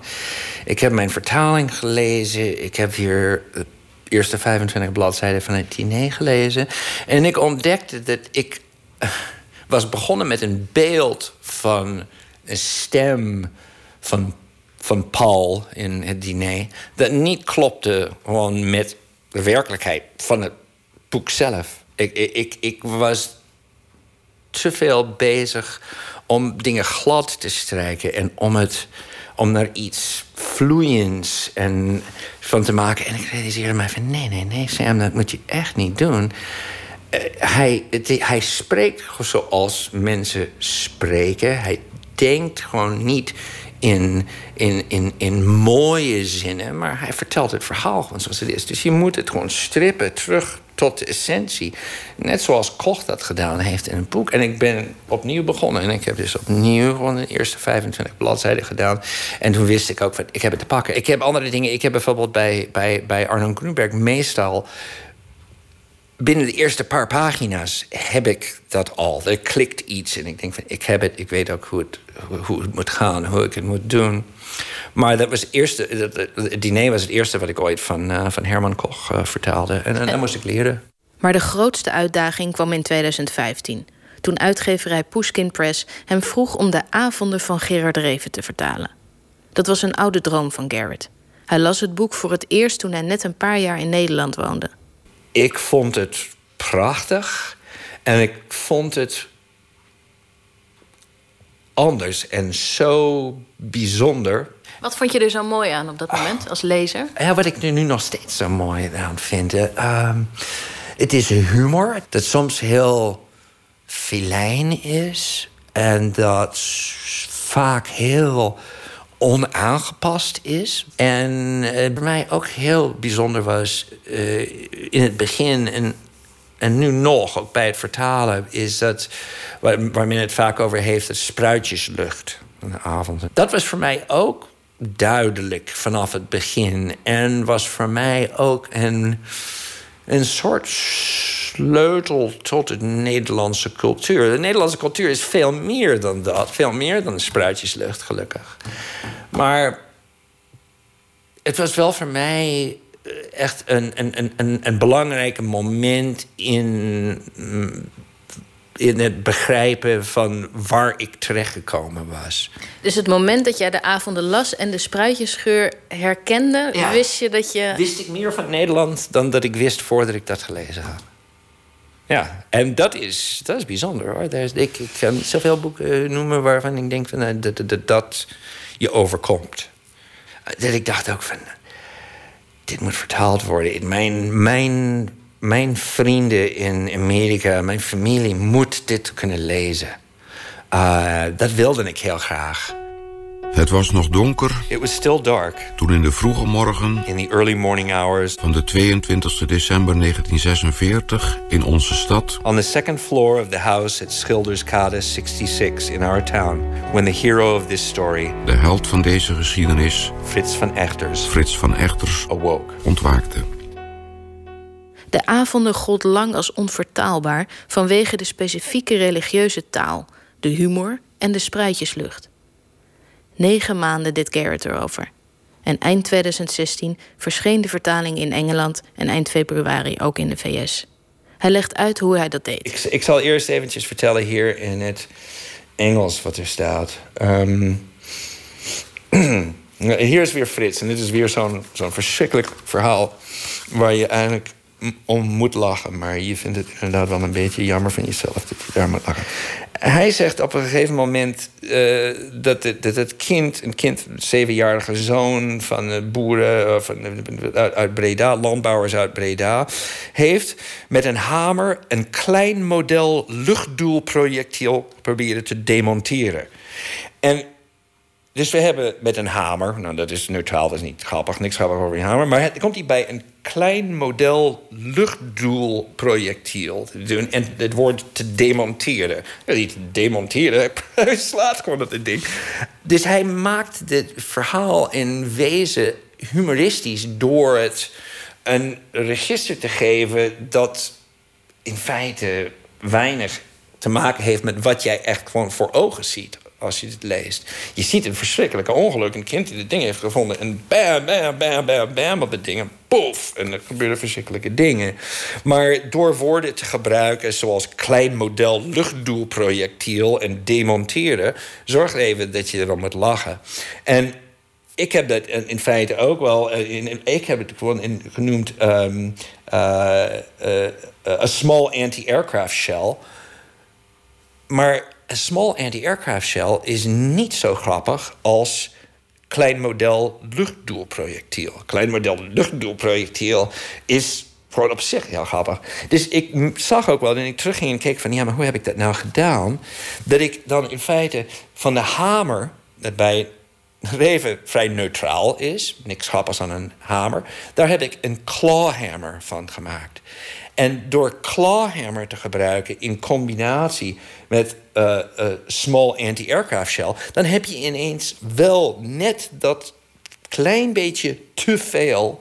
klein beetje een register dat net te dik is aangelegd... waardoor je er om moet lachen. En dan die beroemde spruitjeslucht. Hoe vertaal je die? Een voorbeeld. de, de vrienden zijn op weg naar een film. Ze gaan dus met z'n allen een, een film zien. En er zijn ook spanningen, Frits. Het is een avond, dus dan komen ze samen bij het huis van, van Beb. En er zijn spanningen. Frits voelt zich niet op zijn gemak. Is een beetje naar aan het doen tegen andere mensen in het gezelschap soms. Maar uiteindelijk vertrekken ze gewoon met z'n allen en ze zijn op weg naar het bioscoop. En een beetje in de winter, dus een beetje vies weer, zoals wij ook net hebben gehad. En hij, Revers zegt. Ze waren een eind langs een gracht gelopen en gingen een smalle brug voor voetgangers over. En kijk, je kan het vertalen en je kan daar ook een soort vanilla-vertaling van maken door geen, door niet op het feit te letten dat hij zegt een smalle brug voor voetgangers. Wat niet alleen 1946 is, maar echt gewoon au fond Gerard Reeves zelf is. Het is niet een smalle voetgangersbruggetje of over een voetgangersbruggetje. Nee, het is een smalle brug voor voetgangers. Dus dan moest, heb ik dat dan ook wel verteld van... they had already walked away along a canal... and now they crossed a narrow bridge for pedestrians. Dat is een beetje vreemd. En het is een beetje vreemd in het Engels. En het is een beetje vreemd in het Nederlands ook wel. En hij zegt ook wel net daarna dat, dat, dat, dat, dat het ijzeren uh, uh, handvaten van een brug... dus ze waren bezet met waterdruppels. En dat bezet met waterdruppels is ook atypisch. Is ook niet... Het is prachtig, mooi. Maar je kan dat niet zomaar zeggen van dat they were wet with dew or wet with rain. He says the iron railings were thick with droplets. Dat soort zinnen, dan, ja, de eerste keer ga je eroverheen en denk je ook van nee, wacht even, je handrem aan en even terug, wacht even, wat gebeurt hier nou in het Nederlands? En dan ga je dat gewoon opnieuw pakken en je gaat dan je eigen tekst goed bekijken, kritisch bekijken, om te proberen om voor de lezer zo dicht mogelijk bij de ervaring van het lezen van de avonden in het Nederlands te komen. En dat zijn vaak van die hele kleine dingen. Dus dan kan je je voorstellen, we hebben het over zo, ja, 300 zo bladzijden. En dan kom je regelmatig tegen. En dat moet je dan doen. Want pas als je dat gedaan hebt en je bent daar conscientieus en trouw, dan heb je de sfeer van de avonden ook wel te pakken. En de sfeer van het schrijven van een grote volksschrijver. En dan pas is het de moeite waard om het te vertalen. Want zonder de sfeer en zonder de spruitjeslucht waar we het over hadden eerder, ah, dan kan je net zo goed niet doen. Want dat is wat je ook wel aan mensen wil geven. Drawing his lungs full of air, he climbed into bed. Hij zoog de borst vol adem en stapte in bed. It has been seen, he murmured. Het is gezien, mompelde hij. It has not gone unnoticed. Het is niet onopgemerkt gebleven. He stretched himself out. Hij strekte zich uit. And fell into a deep sleep. En viel in een diepe slaap. En die vrienden die jij nou zo graag de avonden wilde laten lezen in Amerika, hebben die het al gelezen? Ja, een aantal hebben het gelezen en, uh, en hebben het goed gevonden. Ja, inderdaad, die hebben het wel kunnen waarderen. Uh, leuke reacties gehad. Ook, onder, ook op mijn familie. Mijn, mijn, mijn uh, oudste zus heeft het gelezen. En um, schreef mij ook op een gegeven moment dan een e-mail terug van... I finished the book. Good night, rabbit. en dat was de e-mail van haar. Dus er was ook iets van, ja, iets van, zij heeft het gelezen. Zij voelde zich blijkbaar ja, vertederd ook wel door Frits en zijn konijntje. En uh, dat was gewoon leuk om te zien. Dat is ja, voor mij oorspronkelijk ook een reden om het te doen. Tjitske Musche in gesprek met Sam Garrett, vertaler van onder meer De Avonden, The Evenings en Turks Fruit Turkish Delight. Een nieuw album van Fink is in aantocht en dit is het uh, titelnummer Keep Myself Alone Now.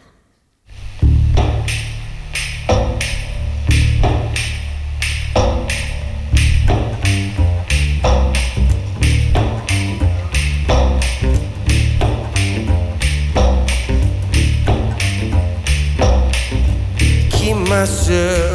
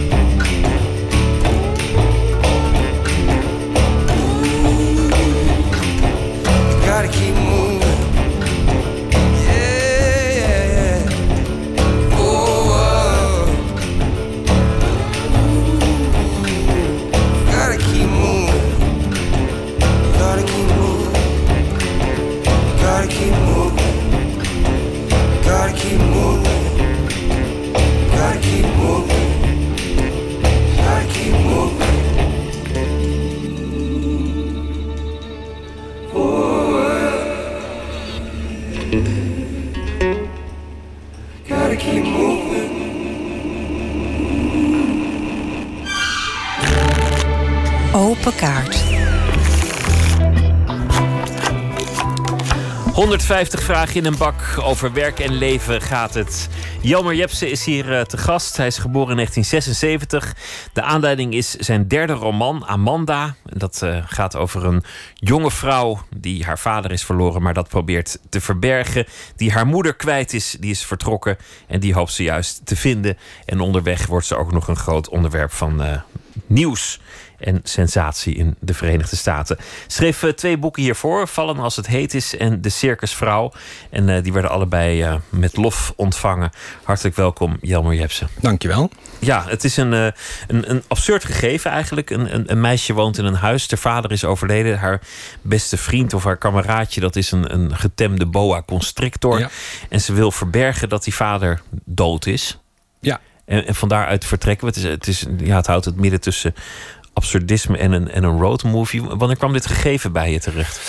Ehm, ik werd geïnspireerd door het eh, boek, door eigenlijk een foto die ik zag van een, ehm, Amerikaanse foto. Een hele beroemde foto eh, van een meisje. Een foto uit de jaren zeventig, wat in een kinderbadje, meisje van negen.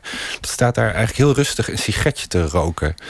En ehm, nou, achter die foto zit ook weer een heel verhaal. Ehm, ik heb nog uitgezocht wat er uiteindelijk met dat meisje is gebeurd. Het is niet goed afgelopen, maar mijn fantasie ging meteen, eh, sloeg op hol eigenlijk. Ik dacht van, waar, waar is die moeder van dat, van dat meisje? En hoe raakt een meisje van negen nou zo aan het roken? En waarom staat zij in een kinderbadje gewoon te spelen? Er stonden ook vriendinnetjes omheen. Ehm, en dat is eigenlijk al bij al mijn boeken zo vaak dat een foto of een filmpje... dat ehm, ontvlamt dan mijn ehm, fantasie. En dan, eh, ja, dan ben ik niet meer te stoppen. Dus dat is het begonnen. En dat werd de inspiratie voor het personage Amanda. Want die rookt menthol-sigaretten. Ja. Ook nog eens. Ja. ja, het was mijn wens, al heel lang mijn wens om een keer een, een boek voor volwassenen of gewoon een roman te schrijven met een kind in de hoofdrol. Ik ben zelf heel erg fan van eh, Nicolai Amaniti, eh, Italiaanse schrijver die heel veel kinderen in zijn boeken ver- verwerkt. Stephen King ben ik heel erg fan van, was ik alles van gelezen vroeger. Children of the Corn, Carrie, eh, Firestarter met de jonge Drew Barrymore die met haar ogen eh, alles in de brand kan laten vliegen. Ehm, nou, en toen ik die foto zag van dat rokende meisje eh, van negen, toen dacht ik: dit is mijn eh, nieuwe hoofdpersoon, dit is mijn kans. Je zegt Aminiti en, en, en terwijl, terwijl je het zei, viel er ook ineens bij mij ergens een kwartje. Dat, dat, dat herken ik wel in jouw stijl. Het is, het is onderkoeld, humoristisch, klein beetje wrang en, en ontwrichtend. Ja. Ja, en wat ik zelf van Amaniti zo mooi vind, is dat hij vaak het Italiaanse landschap ook echt een rol toebedeelt, bijna als karakter. En dat heb ik. eh, dit boek speelt zich af in Amerika, in Florida. Ik eh, ben er zelf heel vaak geweest. Ik ben erg onder de indruk van dat landschap daar. En juist het hele moderne van Miami, die grote stad, waar eigenlijk dan krokodillen door de, door de wateren zwemmen en schildpadden aan de kant liggen. En dat hele dreigende ehm, gevoel, wat ik daar zelf ook wel heb. Ik ben zelf als de dood voor slangen namelijk. En in Miami, dan sta je voor de McDonald's en dan kan er ineens over, eentje over de stoep kruipen. Nou, en dat gegeven, zo'n filmische sfeer. Het veel scènes spelen zich ook wel af in de avond en in de nacht. Beetje ehm, David Lynch, Mulholland Drive. Die sfeer eh, heb ik er heel erg in proberen te stoppen. En eh Amaniti doet dat ook met het Italiaanse landschap, als het ware. Eh, de zonnige korenvelden en de zon die daar altijd schijnt. En ondertussen is er heel veel aan de hand en heel veel drama. Je noemt de, de slang en het roken. Het, het roken is een mooi gegeven, want de, de buurman klaagt omdat eh, eh, wat hij denkt de vader steeds in de tuin zit te roken. Maar die vader is er niet. Dus dan moet Amanda namens haar vader een burenruzie beginnen. Ja. eh, ontketenen. En intussen is ze ook een beetje gedwongen om door te roken. Anders zou het opvallen dat de, dat de vader er niet is. Dus ze moet enkel meer roken. En door die slang wordt ze uiteindelijk het onderwerp van een, ja, een media-hype en een, en een, en een, eh, vervolging door de politie. Dus, en, vanaf daar gaan we niks meer verklappen. Maar Ja, nee, het is inderdaad een boek wat best wel aan elkaar hangt van spoilers. Eh, de ene eh, situatie zet de volgende in werking. En pas als je die situatie kent, kan je eigenlijk de volgende weer snappen. Ehm, maar uiteindelijk ehm, speelt de slang wel een sleutelrol. En ehm, ehm, gaat, ja, Amanda begint eigenlijk aan een reis door Florida naar haar moeder, die in de gevangenis zit. Eh, want zij denkt: ehm, Mijn vader is dood. Ehm, als ik mij nu eh, meld bij de politie, dan eindig ik waarschijnlijk in een kinderthuis. En dat wil ik niet. Uh, en zij besluit eigenlijk in een split second... ik ga bij mijn moeder wonen. En zij heeft daar een heel romantisch beeld bij. Uh, zij werpt zichzelf eigenlijk op als schuldige van de moord op, uh, van de dood van haar vader. En denkt, als ik dat nou vertel bij de gevangenispoort... dan mag ik bij mijn moeder in een cel gaan wonen de rest van mijn leven. En gaan we spelletjes doen en hebben we het heel gezellig. En dat um, komt allemaal niet uit. Uh, ja, en het zijn allemaal kleine dramaatjes die zich opstapelen uh, rondom Amanda, als het ware. Je denkt als schrijver vanuit een gegeven... als ik dit als gegeven neem, wat is het gevolg? Dan kom ik daar. En als dat ja. gebeurt, dan kom ik daar. Het is heel, heel strak geredeneerd. Ik zie het altijd voor mezelf, mijn hoofdpersoon en allebei, andere, allebei mijn andere boeken zit dat ook wel dat ik ze eigenlijk met een soort gloeiende stik uh, constant voortduw dat verhaal in. Ze mogen eigenlijk geen moment even op hun uh, lauren rusten, maar ja, ik, wil, ik wil ze voortjagen en opjagen en daarmee hopelijk ook de lezer meenemen in een uh, meeslepend verhaal. Kort voordat dit boek schreef, althans een, een, aantal jaar daarvoor, had je zelf een, een, een vrij straffe ervaring in je, in je bestaan, namelijk een, een bacterie op je hartklep.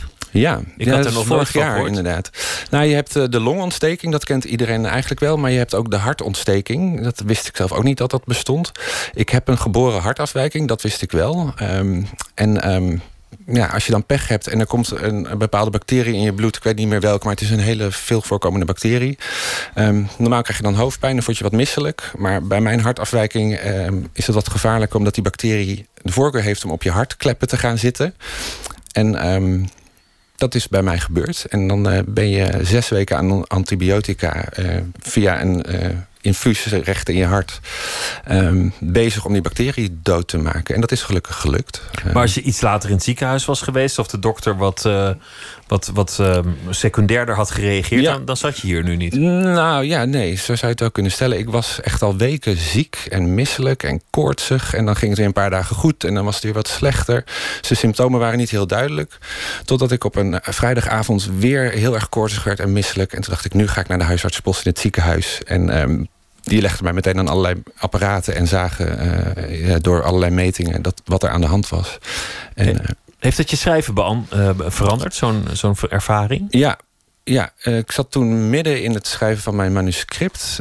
ook wel paniek gehad, omdat ik al met mijn uitgever een deadline had afgesproken. En ik dacht in het ergste geval, um, nou, lukt die deadline niet, want ik ben er niet meer. Maar het had ook nog zo kunnen zijn dat ik een open hartoperatie moest krijgen. En wellicht een uh, harttransplantatie, als die echt ontstoken was geraakt. Um, dus ik heb daar heel erg nagedacht ook over... Wat wil ik nou zeggen met dat boek als ik nog door mag leven en uh, blijf ik zo doorgaan? Want mijn vorige boeken waren redelijk roekeloos, veel humor zat erin. En ik dacht, dit boek ga ik dan toch anders aanpakken. En ik ga echt het diepste uit mezelf proberen te halen en um, nou, er nog zorgvuldiger mee omgaan. Ja, ik vind het een beetje moeilijk om dat uit te leggen hoe dat proces is met een boek schrijven. Maar over het algemeen schrijf ik snel en in korte periodes. Um, sluit mezelf vaak op in een huisje en dan knal ik er in een week uh, 200 pagina's uit. En hier dacht ik, nee, dit, dit is eigenlijk een soort nieuwe kans. Ik was genezen en um, nou, ik ben het leven wel veel meer gaan waarderen. En ook het schrijven van boeken is gewoon iets heel moois... wat ik voorheen voor lief nam. En in één keer dacht ik, dit is toch wel heel gaaf dat ik dit mag doen. Uh, het, uh, het schrijven is, als ik me goed herinner... bij jou voortgekomen uit een, uit een situatie... die je achteraf een burn-out zou kunnen noemen. Een, een, een periode ja. van, van stress en angst. Ja, ja klopt. Ja, de, eigenlijk is het um, per ongeluk ontstaan zo'n vijf jaar geleden... toen ik inderdaad uh, redelijk er doorheen zat in mijn privéleven. En dat bleek uiteindelijk allemaal met mijn jeugd te maken uh, gehad te hebben. Met mijn moeder, uh, met wie ik een hele problematische relatie heb. Dat heb ik heel lang weggestopt, voor mijn gevoel. En ja, zoals je geest en je lichaam dan werkt, dat moest eruit. En in één zomer heb ik een beetje doorgedraaid. Wat zich vooral uitte in niet meer slapen. Ik heb toen hele erge aanvallen van insomnia gehad. Echt gewoon soms dagen niet slapen. Um, Daar word je op zich al helemaal gestoord van. Het is een uh, martelmethode bijvoorbeeld voor uh, gevangenen om ze de waarheid te laten zeggen. En in een van die um, eigenlijk die ik ook wel kreeg, heb ik mijn moeder nog een keer opgebeld, die ik toen al twaalf jaar niet gezien had. En dat gesprek verliep eigenlijk weer desastreus. En um, toen dacht ik. Um, ik moet hier wat mee. En ik kan het niet met haar ehm, ehm, oplossen. Dus ik ga het van me afschrijven. En eigenlijk in eh, een dag heb ik twee pagina's geschreven over mijn leven en met mijn moeder. Ik had een vriend die uh, werkte bij een uitgever. Die las het en die zei: Dit moet je opsturen. eh, niet naar onze uitgever, want het is daar niet geschikt voor. Wij zijn een ander fonds. Maar stuur het naar een agent. En die belde eigenlijk binnen een week. ehm, wij willen hier meer over weten. Wat is er met jou aan de hand en met jouw moeder? En wat is dat voor verhaal wat daarachter ligt? En toen had ik een contract. En een missie in het leven die je ook, ook misschien geholpen heeft eh, om, om uit je, je situatie te komen. Het is voor mij een enorme afleidingsmanoeuvre en een eigen soort vorm van therapie. Als ik schrijf, ben ik denk ik wel het gelukkigst van alles eh, in mijn kleine bubbeltje. Ja. Laten we beginnen met eh, de vragen. Hier, hier is de kaartenbak. Ik wil je vragen om er een te trekken. Wie was je eerste liefde? Hmm. Ehm, ik weet niet meer hoe ze heet, maar ik weet wel... Ik ben nu overigens getrouwd met een man. Maar mijn eerste liefde was een meisje. En dat was denk ik op mijn elfde toen wij in Centerparks waren. En het was een ouder meisje van 16. Ze woonde in Hoofddorp. En ik heb die hele vakantie alleen maar met haar gezoend. En haar daarna nooit meer gezien. Omdat zij geen contact meer zocht. Je had internet nog niet. Dus ik had wel een postadres, maar er kwamen geen brieven. En ik ben er echt een jaar van van slag geweest. Dus dat was wel echt de eerste liefde. Die eh, vakantieliefde. Hoe is het als je in- inmiddels op, eh, met een man getrouwd bent om terug te blikken op een eerste liefde die een vrouw was? Ma- Maakt dat verschil? Mm, nee, eigenlijk niet. Ik weet, ja, wat ik net al zei, dat ik toen echt heel erg verliefd was. En echt, eh, ik was toen 11, 12. Ik was ook wel vroeg bij misschien. Ehm, en die verliefdheid heb ik bij latere liefdes, of dat nou een vrouw of een man was. Ik heb wel tot mijn 17e, 18e ook gewoon met meisjes, vrouwen verkering gehad. En ja, voor mijn gevoel is dat heel geleidelijk omgeslagen naar een definitieve keus. Maar dat gevoel is altijd wel ehm, van hetzelfde niveau geweest of zo. En ik nog steeds, als ik een mooie vrouw zie, dan kan ik wel eh, kriebels in mijn buik krijgen. Verliefdheid is gewoon verliefdheid. Dat, dat trekt zich niks van dat soort grenzen aan. Nee, nee. Voor mij niet. Laten we nog een vraag eh, doen. Wat zoek je voor eigenschappen in een vriend?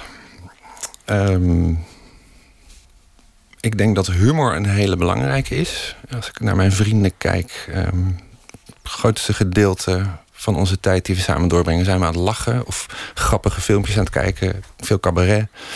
Ehm, en het, het relativeert een boel dingen en ook vriendschappen. Dus ik hou ook wel van pittige discussies. Of af en toe een goede ruzie zit er ook wel tussen. Maar daarna de humor. Dat is wel een hele belangrijke. En trouw zijn aan je vrienden. Ik heb eigenlijk al mijn jeugdvrienden van mijn middelbare school nog. Mijn beste vriend ken ik vanaf mijn dertiende. Ehm, dus dat is inmiddels al bijna eh, 27 jaar dat wij eh, bevriend zijn. En ook mijn beste vriendin ken ik vanaf mijn veertiende. Dus eenmaal in mijn hart en binnen, zeg maar, eh, blijf je er ook wel. En ik hoop ook heel erg van anderen dat dat andersom dan zo is. Dus trouw en humor zijn wel de belangrijkste. Laten we nog één doen. Op welke collega ben je jaloers? Ehm, Stephen King en eh ja, ja. Ehm, nou, dat zijn ze inderdaad wel, ja. Dat zijn toch wel de twee figuren eh, binnen het schrijverschap... waar ik altijd wel op eh, uitkom of op teruggrijp. Of als ik even vastzit, dat ik even een passage lees. Ja, dat zijn ze. Dan doen we nog geen... eh, Ja, dat was een snelle. Waar erger je je aan? Jeetje, waar niet? Ik denk dat ik best wel een persoon ben eh, die zich aan heel veel dingen ergert. Vooral aan televisieprogramma's, mensen die eh, daar zitten. Ik meepraat met een talkshow en meeschreeuw soms. En wat me dan het meest ergert is denk ik... ehm, gemakzucht of eh, snel trekken van conclusies of je, kennis niet op orde hebben. Wat natuurlijk in deze tijd eh, zijn er veel voorbeelden van te vinden rond verkiezingen. Je hebt niet voor niets de fact-checkers in deze periode van nepnieuws en snel nieuws maken. Ehm, ja, erger ik me daar toch wel aan het, het, platte en het snelle. eh, denk van verdiep je eens iets meer in iets of roep niet altijd eh, meteen je mening. Maar ehm, Ja, de, de tv zet daar ook wel een, een beetje toe aan. Zeker in, in verkiezingstijd. Alles moet in 30 seconden, in 20 seconden. Ja. Zit, zit er een interviewer alweer doorheen te, te blaten. Niks wordt, niks wordt ooit afgemaakt. Of, Ja, maar ik merk dat dat toch ook wel in het dagelijkse leven eh, ook eh, een cultuur aan het worden is. Van je moet overal eh, snel iets van vinden en het liefst een beetje een straffe mening die wat reacties oproept.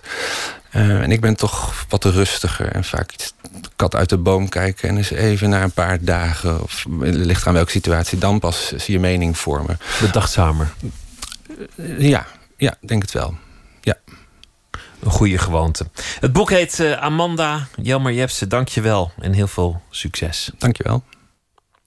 Wende Snijders heeft een eh, voorstelling op dit moment. Mens ging vorige week in première. Krijgt eh, buitengewoon eh, lommerrijke recensies. De Volkskrant die noemde het, gaf het vijf ballen en schreef dat haar kwetsbaarheid prachtig samengaat met de muziek. We draaien een nummer uitgevoerd door Wende. Dit is Roses in June.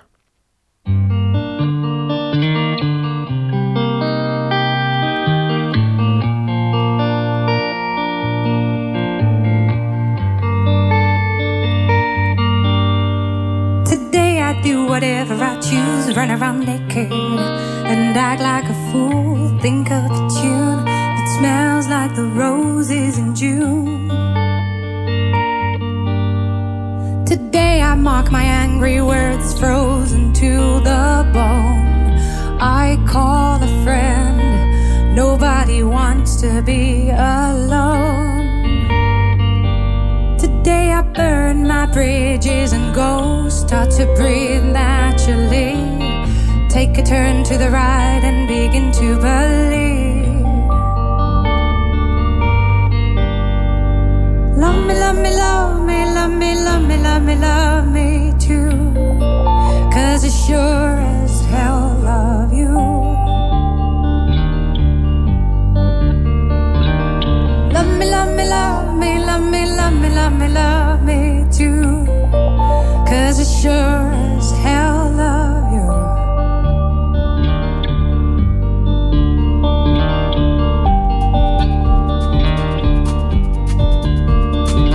Today I do whatever I choose, run around naked and act like a fool. Think up a tune that smells like the roses in June. Today I go start to breathe naturally. Take a turn to the right and begin to believe. Love me, love me, love me, love me, love me, love me, love me too. Cause I sure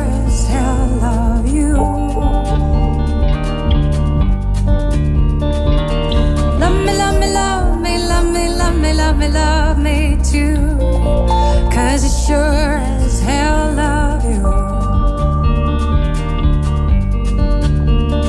I'll burn my bridges and go. Nobody wants to be alone.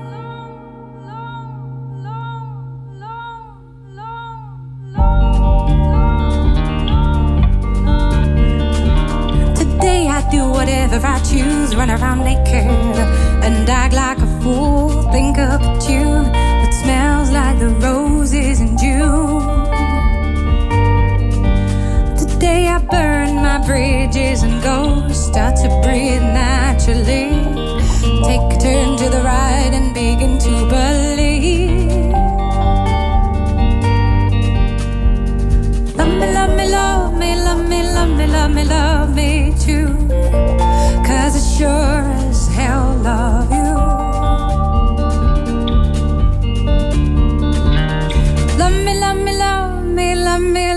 love me, love me, too. Cause I sure as hell love you. Bende met eh, Roses in June. En ze is momenteel te zien in de theaters met haar voorstelling Mens. 1 minuut, een verhaal in 60 seconden.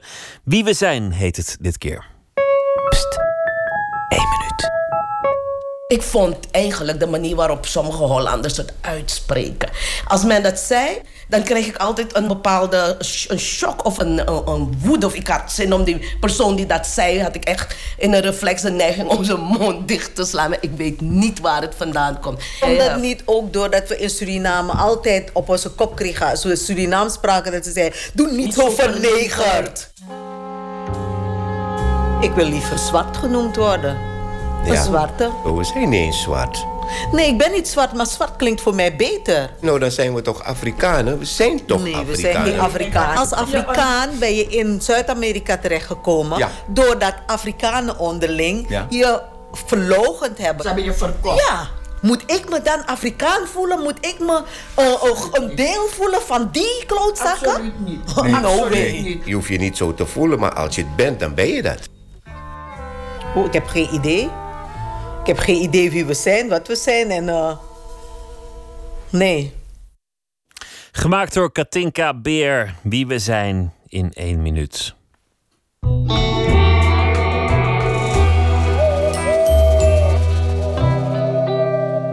Janne Loontjens is eh, filosoof, dichter en schrijver. En deze week zal ze elke nacht een verhaal maken bij de Verstreken Dag. Janna, goeienacht. Hi.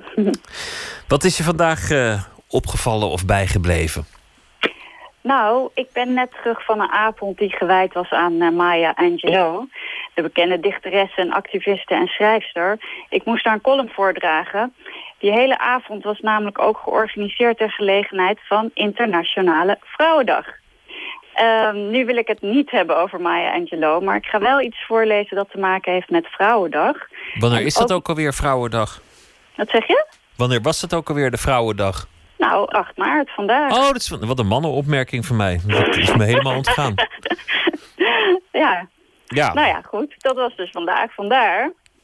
En, ehm, en verder had ik dus ook een eh, stuk in de krant gelezen over Emma Watson, de actrice. Ja. Iedereen kent haar wel, hè? Nou, eh, zij heeft namelijk voor Vanity Fair geposeerd. En daar zat ook een foto tussen van haar met half ontblote borsten. En daar vonden mensen van alles van. En eh, nou ja, goed, eh, daar heb ik eh, mijn stukje op gebaseerd. Wat, wat vonden mensen daar dan van, van die half ontblote borsten? Nou, vooral dat het onfeministisch was om zo te poseren. Oh, om je borsten te, te, te laten zien, ook al is het maar half. Ja, precies. Daar, Watson is namelijk niet alleen bekend als actrice, maar ze is ook ambassadeur voor vrouwenrechten bij de Verenigde Naties. En ze heeft zich ook ingezet voor He for She, campagne om mannen meer te betrekken bij feministen. Dus ze is een bekend feministe. En toen vonden mensen dat onfeministisch. Dat vind ik trouwens niet hoor, maar misschien moet ik mijn stukje dan ook maar gaan voorlezen. Ja, doe dat. Lees je stuk voor als je wil. Oké. En eh, misschien moet ik ook nog even zeggen dat eh, gisteren en eergisteren had ik namelijk personages verzonnen.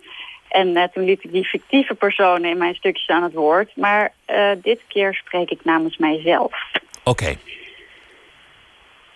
Tijdens mijn studietijd had ik drie beste vrienden. Drie jongens. We gingen wekelijks naar het oude filmmuseum in het Vondelpark, bekeken Moernau, de gebroeders Pathé en de hele filmgeschiedenis. We lazen dezelfde boeken, logeerden bij elkaar en reisden naar Berlijn en Kassel en New York.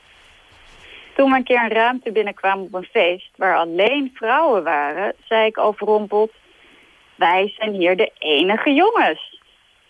Ik was één van de boys. Er waren ook momenten dat ik me iets minder een van hen voelde. Vooral als de ene vriend die uit Limburg kwam opmerkingen maakte over grote tieten of een lekkere chick. Ineens was ik lichaam. Ik had geen grote tieten. Kleine borsten zijn ook borsten, zei ik wel eens. Maar of ze ook tieten waren. Enerzijds voelde ik me des te meer een van hen, omdat ze ook op deze jongensachtige manier spraken als ik erbij was. Maar anderzijds werd ik erdoor buitengesloten. Ineens hoorde ik bij het deel van de mens met een bepaald soort fysieke verschijning. Het lichaam waar zij verlekkerd over spraken. Het wordt Emma Watson kwalijk genomen dat zij met half ontblote borsten voor Vanity Fair heeft geposeerd.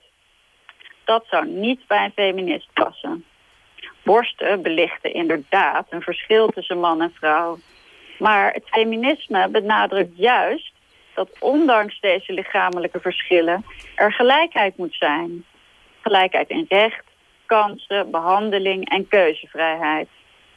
Die keuzevrijheid betreft ook het tonen van je lichaam. Of dat nu een gespierde buik, een piemel is of tieten, dat is ieders individuele keuze. Juist omdat ik borsten had en mijn drie jongensvrienden niet, besefte ik dan ook des te meer de noodzaak van gelijkheid. Juist omdat wij niet gelijk zijn gebouwd, moeten we erop letten dat we wel gelijke rechten, respect, keuzes en kansen hebben. Over de borsten van Emma Watson. Ik, ik, vind, het, ik vind het altijd wonderlijk, hè? Want, want nu zijn dan de half ontblote borsten van Emma Watson in Vanity Fair onfeministisch.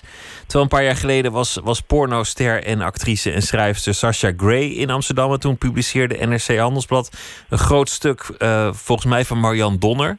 Die vond Sasha Gray een feministisch icoon, omdat ze extreme seksuele handelingen op camera verricht als pornoster. En daarmee juist de vrouwelijke seksualiteit vierde of zo. Ik ben de redenering even kwijt. Maar, maar hoe twee dingen de totaal andere kant op geïnterpreteerd kunnen werden als, eh, als, worden als het gaat om feminisme. Ja, dat is natuurlijk ook zo. Nou ja, je hebt ook de vrouwen die juist de vrouwelijkheid willen vieren hè? en daar trots op willen zijn. En je hebt ook de feministen die vooral de gelijkheid willen benadrukken tussen mannen en vrouwen. En dat schuurt soms een beetje. Maar ik vind eigenlijk, je moet beide. Je moet opkomen voor de gelijkheid en gelijke kansen, rechten, et cetera. Maar daarnaast kun je natuurlijk ook wel het verschil vieren. Ja, ik denk, ik denk dat je niet al te veel energie moet steken in, eh, in, in, borsten en billen. Maar dat je gewoon eens moet gaan voor gelijke beloning en eh, gelijke aanstellingen en gelijke rechten. En, en dat soort dingen. Ja, ja inderdaad. Goed, nou ja, zijn we het weer lekker eng eens. Dankjewel, Ja. Janna. Goeienacht, tot morgen. Hetzelfde. Dag. Poëzie van Igmar Heitse. We gaan eh, luisteren naar een gedicht deze week. Elke nacht een ander gedicht. Vannacht heet het Wisselgeld.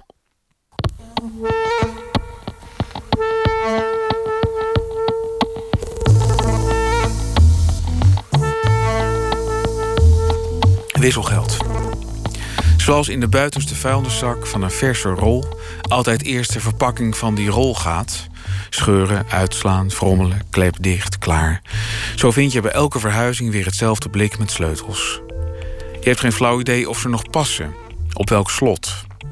Wie weet welke deur of kast, wat voor postvak, fiets van vroeger voor goed vergrendeld werd. De laatste doos is ingeladen, ieder gat gevuld. Vloeren en muren laten zien waar alles stond alleen aan jou.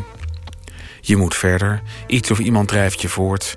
Je denkt opnieuw, ik wil dit niet, maar blijkbaar trek je nooit een lijn zonder er overheen te gaan. Je pakt de blik en loopt nog één keer alle kamers door. Zo komt er hier en daar een sleutel thuis waarvan je niet meer wist wat ermee openging. Maar meer, veel meer nog hou je over. Het blik gaat als wisselgeld in je tas en straks weer onderin een nieuwe kast. Ergens denk je, staat een huis waarin je thuis komt. Alles past. Op een gegeven moment eh, stond ik letterlijk huilend allerlei vuilniszakken eh, te, te vullen. Ik moest weg van een huurzolder in de binnenstad, omdat ik vader was geworden. En de woning was gewoon echt te klein geworden. Dus we hadden een huis gekocht, iets buiten de stad. En ik vond het verschrikkelijk om er weg te gaan. En op een gegeven moment besefte ik wel, toen ik met die vuilniszakken in de weer was... dat, dat de dichter in me probeerde er iets van te maken. En op een gegeven moment stond ik met zo'n geel ding in mijn, in mijn, eh, in mijn handen... en besefte opeens, dat is altijd het eerste wat je weggooit. En toen begon ik al, al dingen op te schrijven. En toen met, met het blik met sleutels dacht ik van, daar zit iets in. Ik wil naar huis, maar ik moet eigenlijk nu weg van huis. Maar naarmate dat, blik zeg maar groter wordt en steeds meer sleutels inkomen... en elk systeem onderweg is van orde naar chaos... wat nou eenmaal zo is met elk systeem... besefte ik ook dat je een romantisch verlangen kunt hebben... wat volkomen haak staat op elke logische werkelijkheid. Namelijk dat ergens een huis is... waar al die sleutels die je altijd hebt meegesleept ergens op passen... en dat je dan dus thuis bent. Ik lees het gedicht nog een keer. Wisselgeld. Zoals in de buitenste vuilniszak van een verse rol altijd eerst de verpakking van die rol gaat. Scheuren, uitslaan, frommelen, klep dicht, klaar. Zo vind je bij elke verhuizing weer hetzelfde blik met sleutels. Je hebt geen flauw idee of ze nog passen, op welk slot. Wie weet welke deur of kast, wat voor postvak, fiets van vroeger voor goed vergrendeld werd. De laatste doos is ingeladen, ieder gat gevuld. Vloeren en muren laten zien waar alles stond, alleen aan jou. Je moet verder. Iets of iemand drijft je voort. Je denkt opnieuw, ik wil dit niet, maar blijkbaar trek je nooit een lijn zonder er overheen te gaan. Je pakt het blik en loopt nog één keer alle kamers door. Zo komt er hier en daar een sleutel thuis, waarvan je niet meer wist wat ermee openging. Maar meer, veel meer nog hou je over. Het blik gaat als wisselgeld in je tas en straks weer onderin een nieuwe kast. Ergens denk je, staat een huis waarin je thuis komt. Alles past. Ingmar Heitz eh, las het gedicht Wisselgeld. Morgen in Nooit meer slapen komt schrijver Kees van Bijnem op bezoek. Hij bracht zijn jeugd door in de cafés en hotels van zijn familie in Amsterdam op de Zeedijk. Dat eh, werd onder meer het decor van zijn succesvolle roman Oesters van Namke. Zijn nieuwste boek heet Het Mooie Seizoen. Wat gebeurt er als je middelpunt wordt van publieke verwijten? Dat allemaal morgen in Nooit meer slapen. Voor nu wens ik u een hele goede nacht en morgen een mooie dag. En graag weer tot morgen. Zometeen op deze zender kunt u luisteren naar Top Radio van BNN Vara. Goeienacht.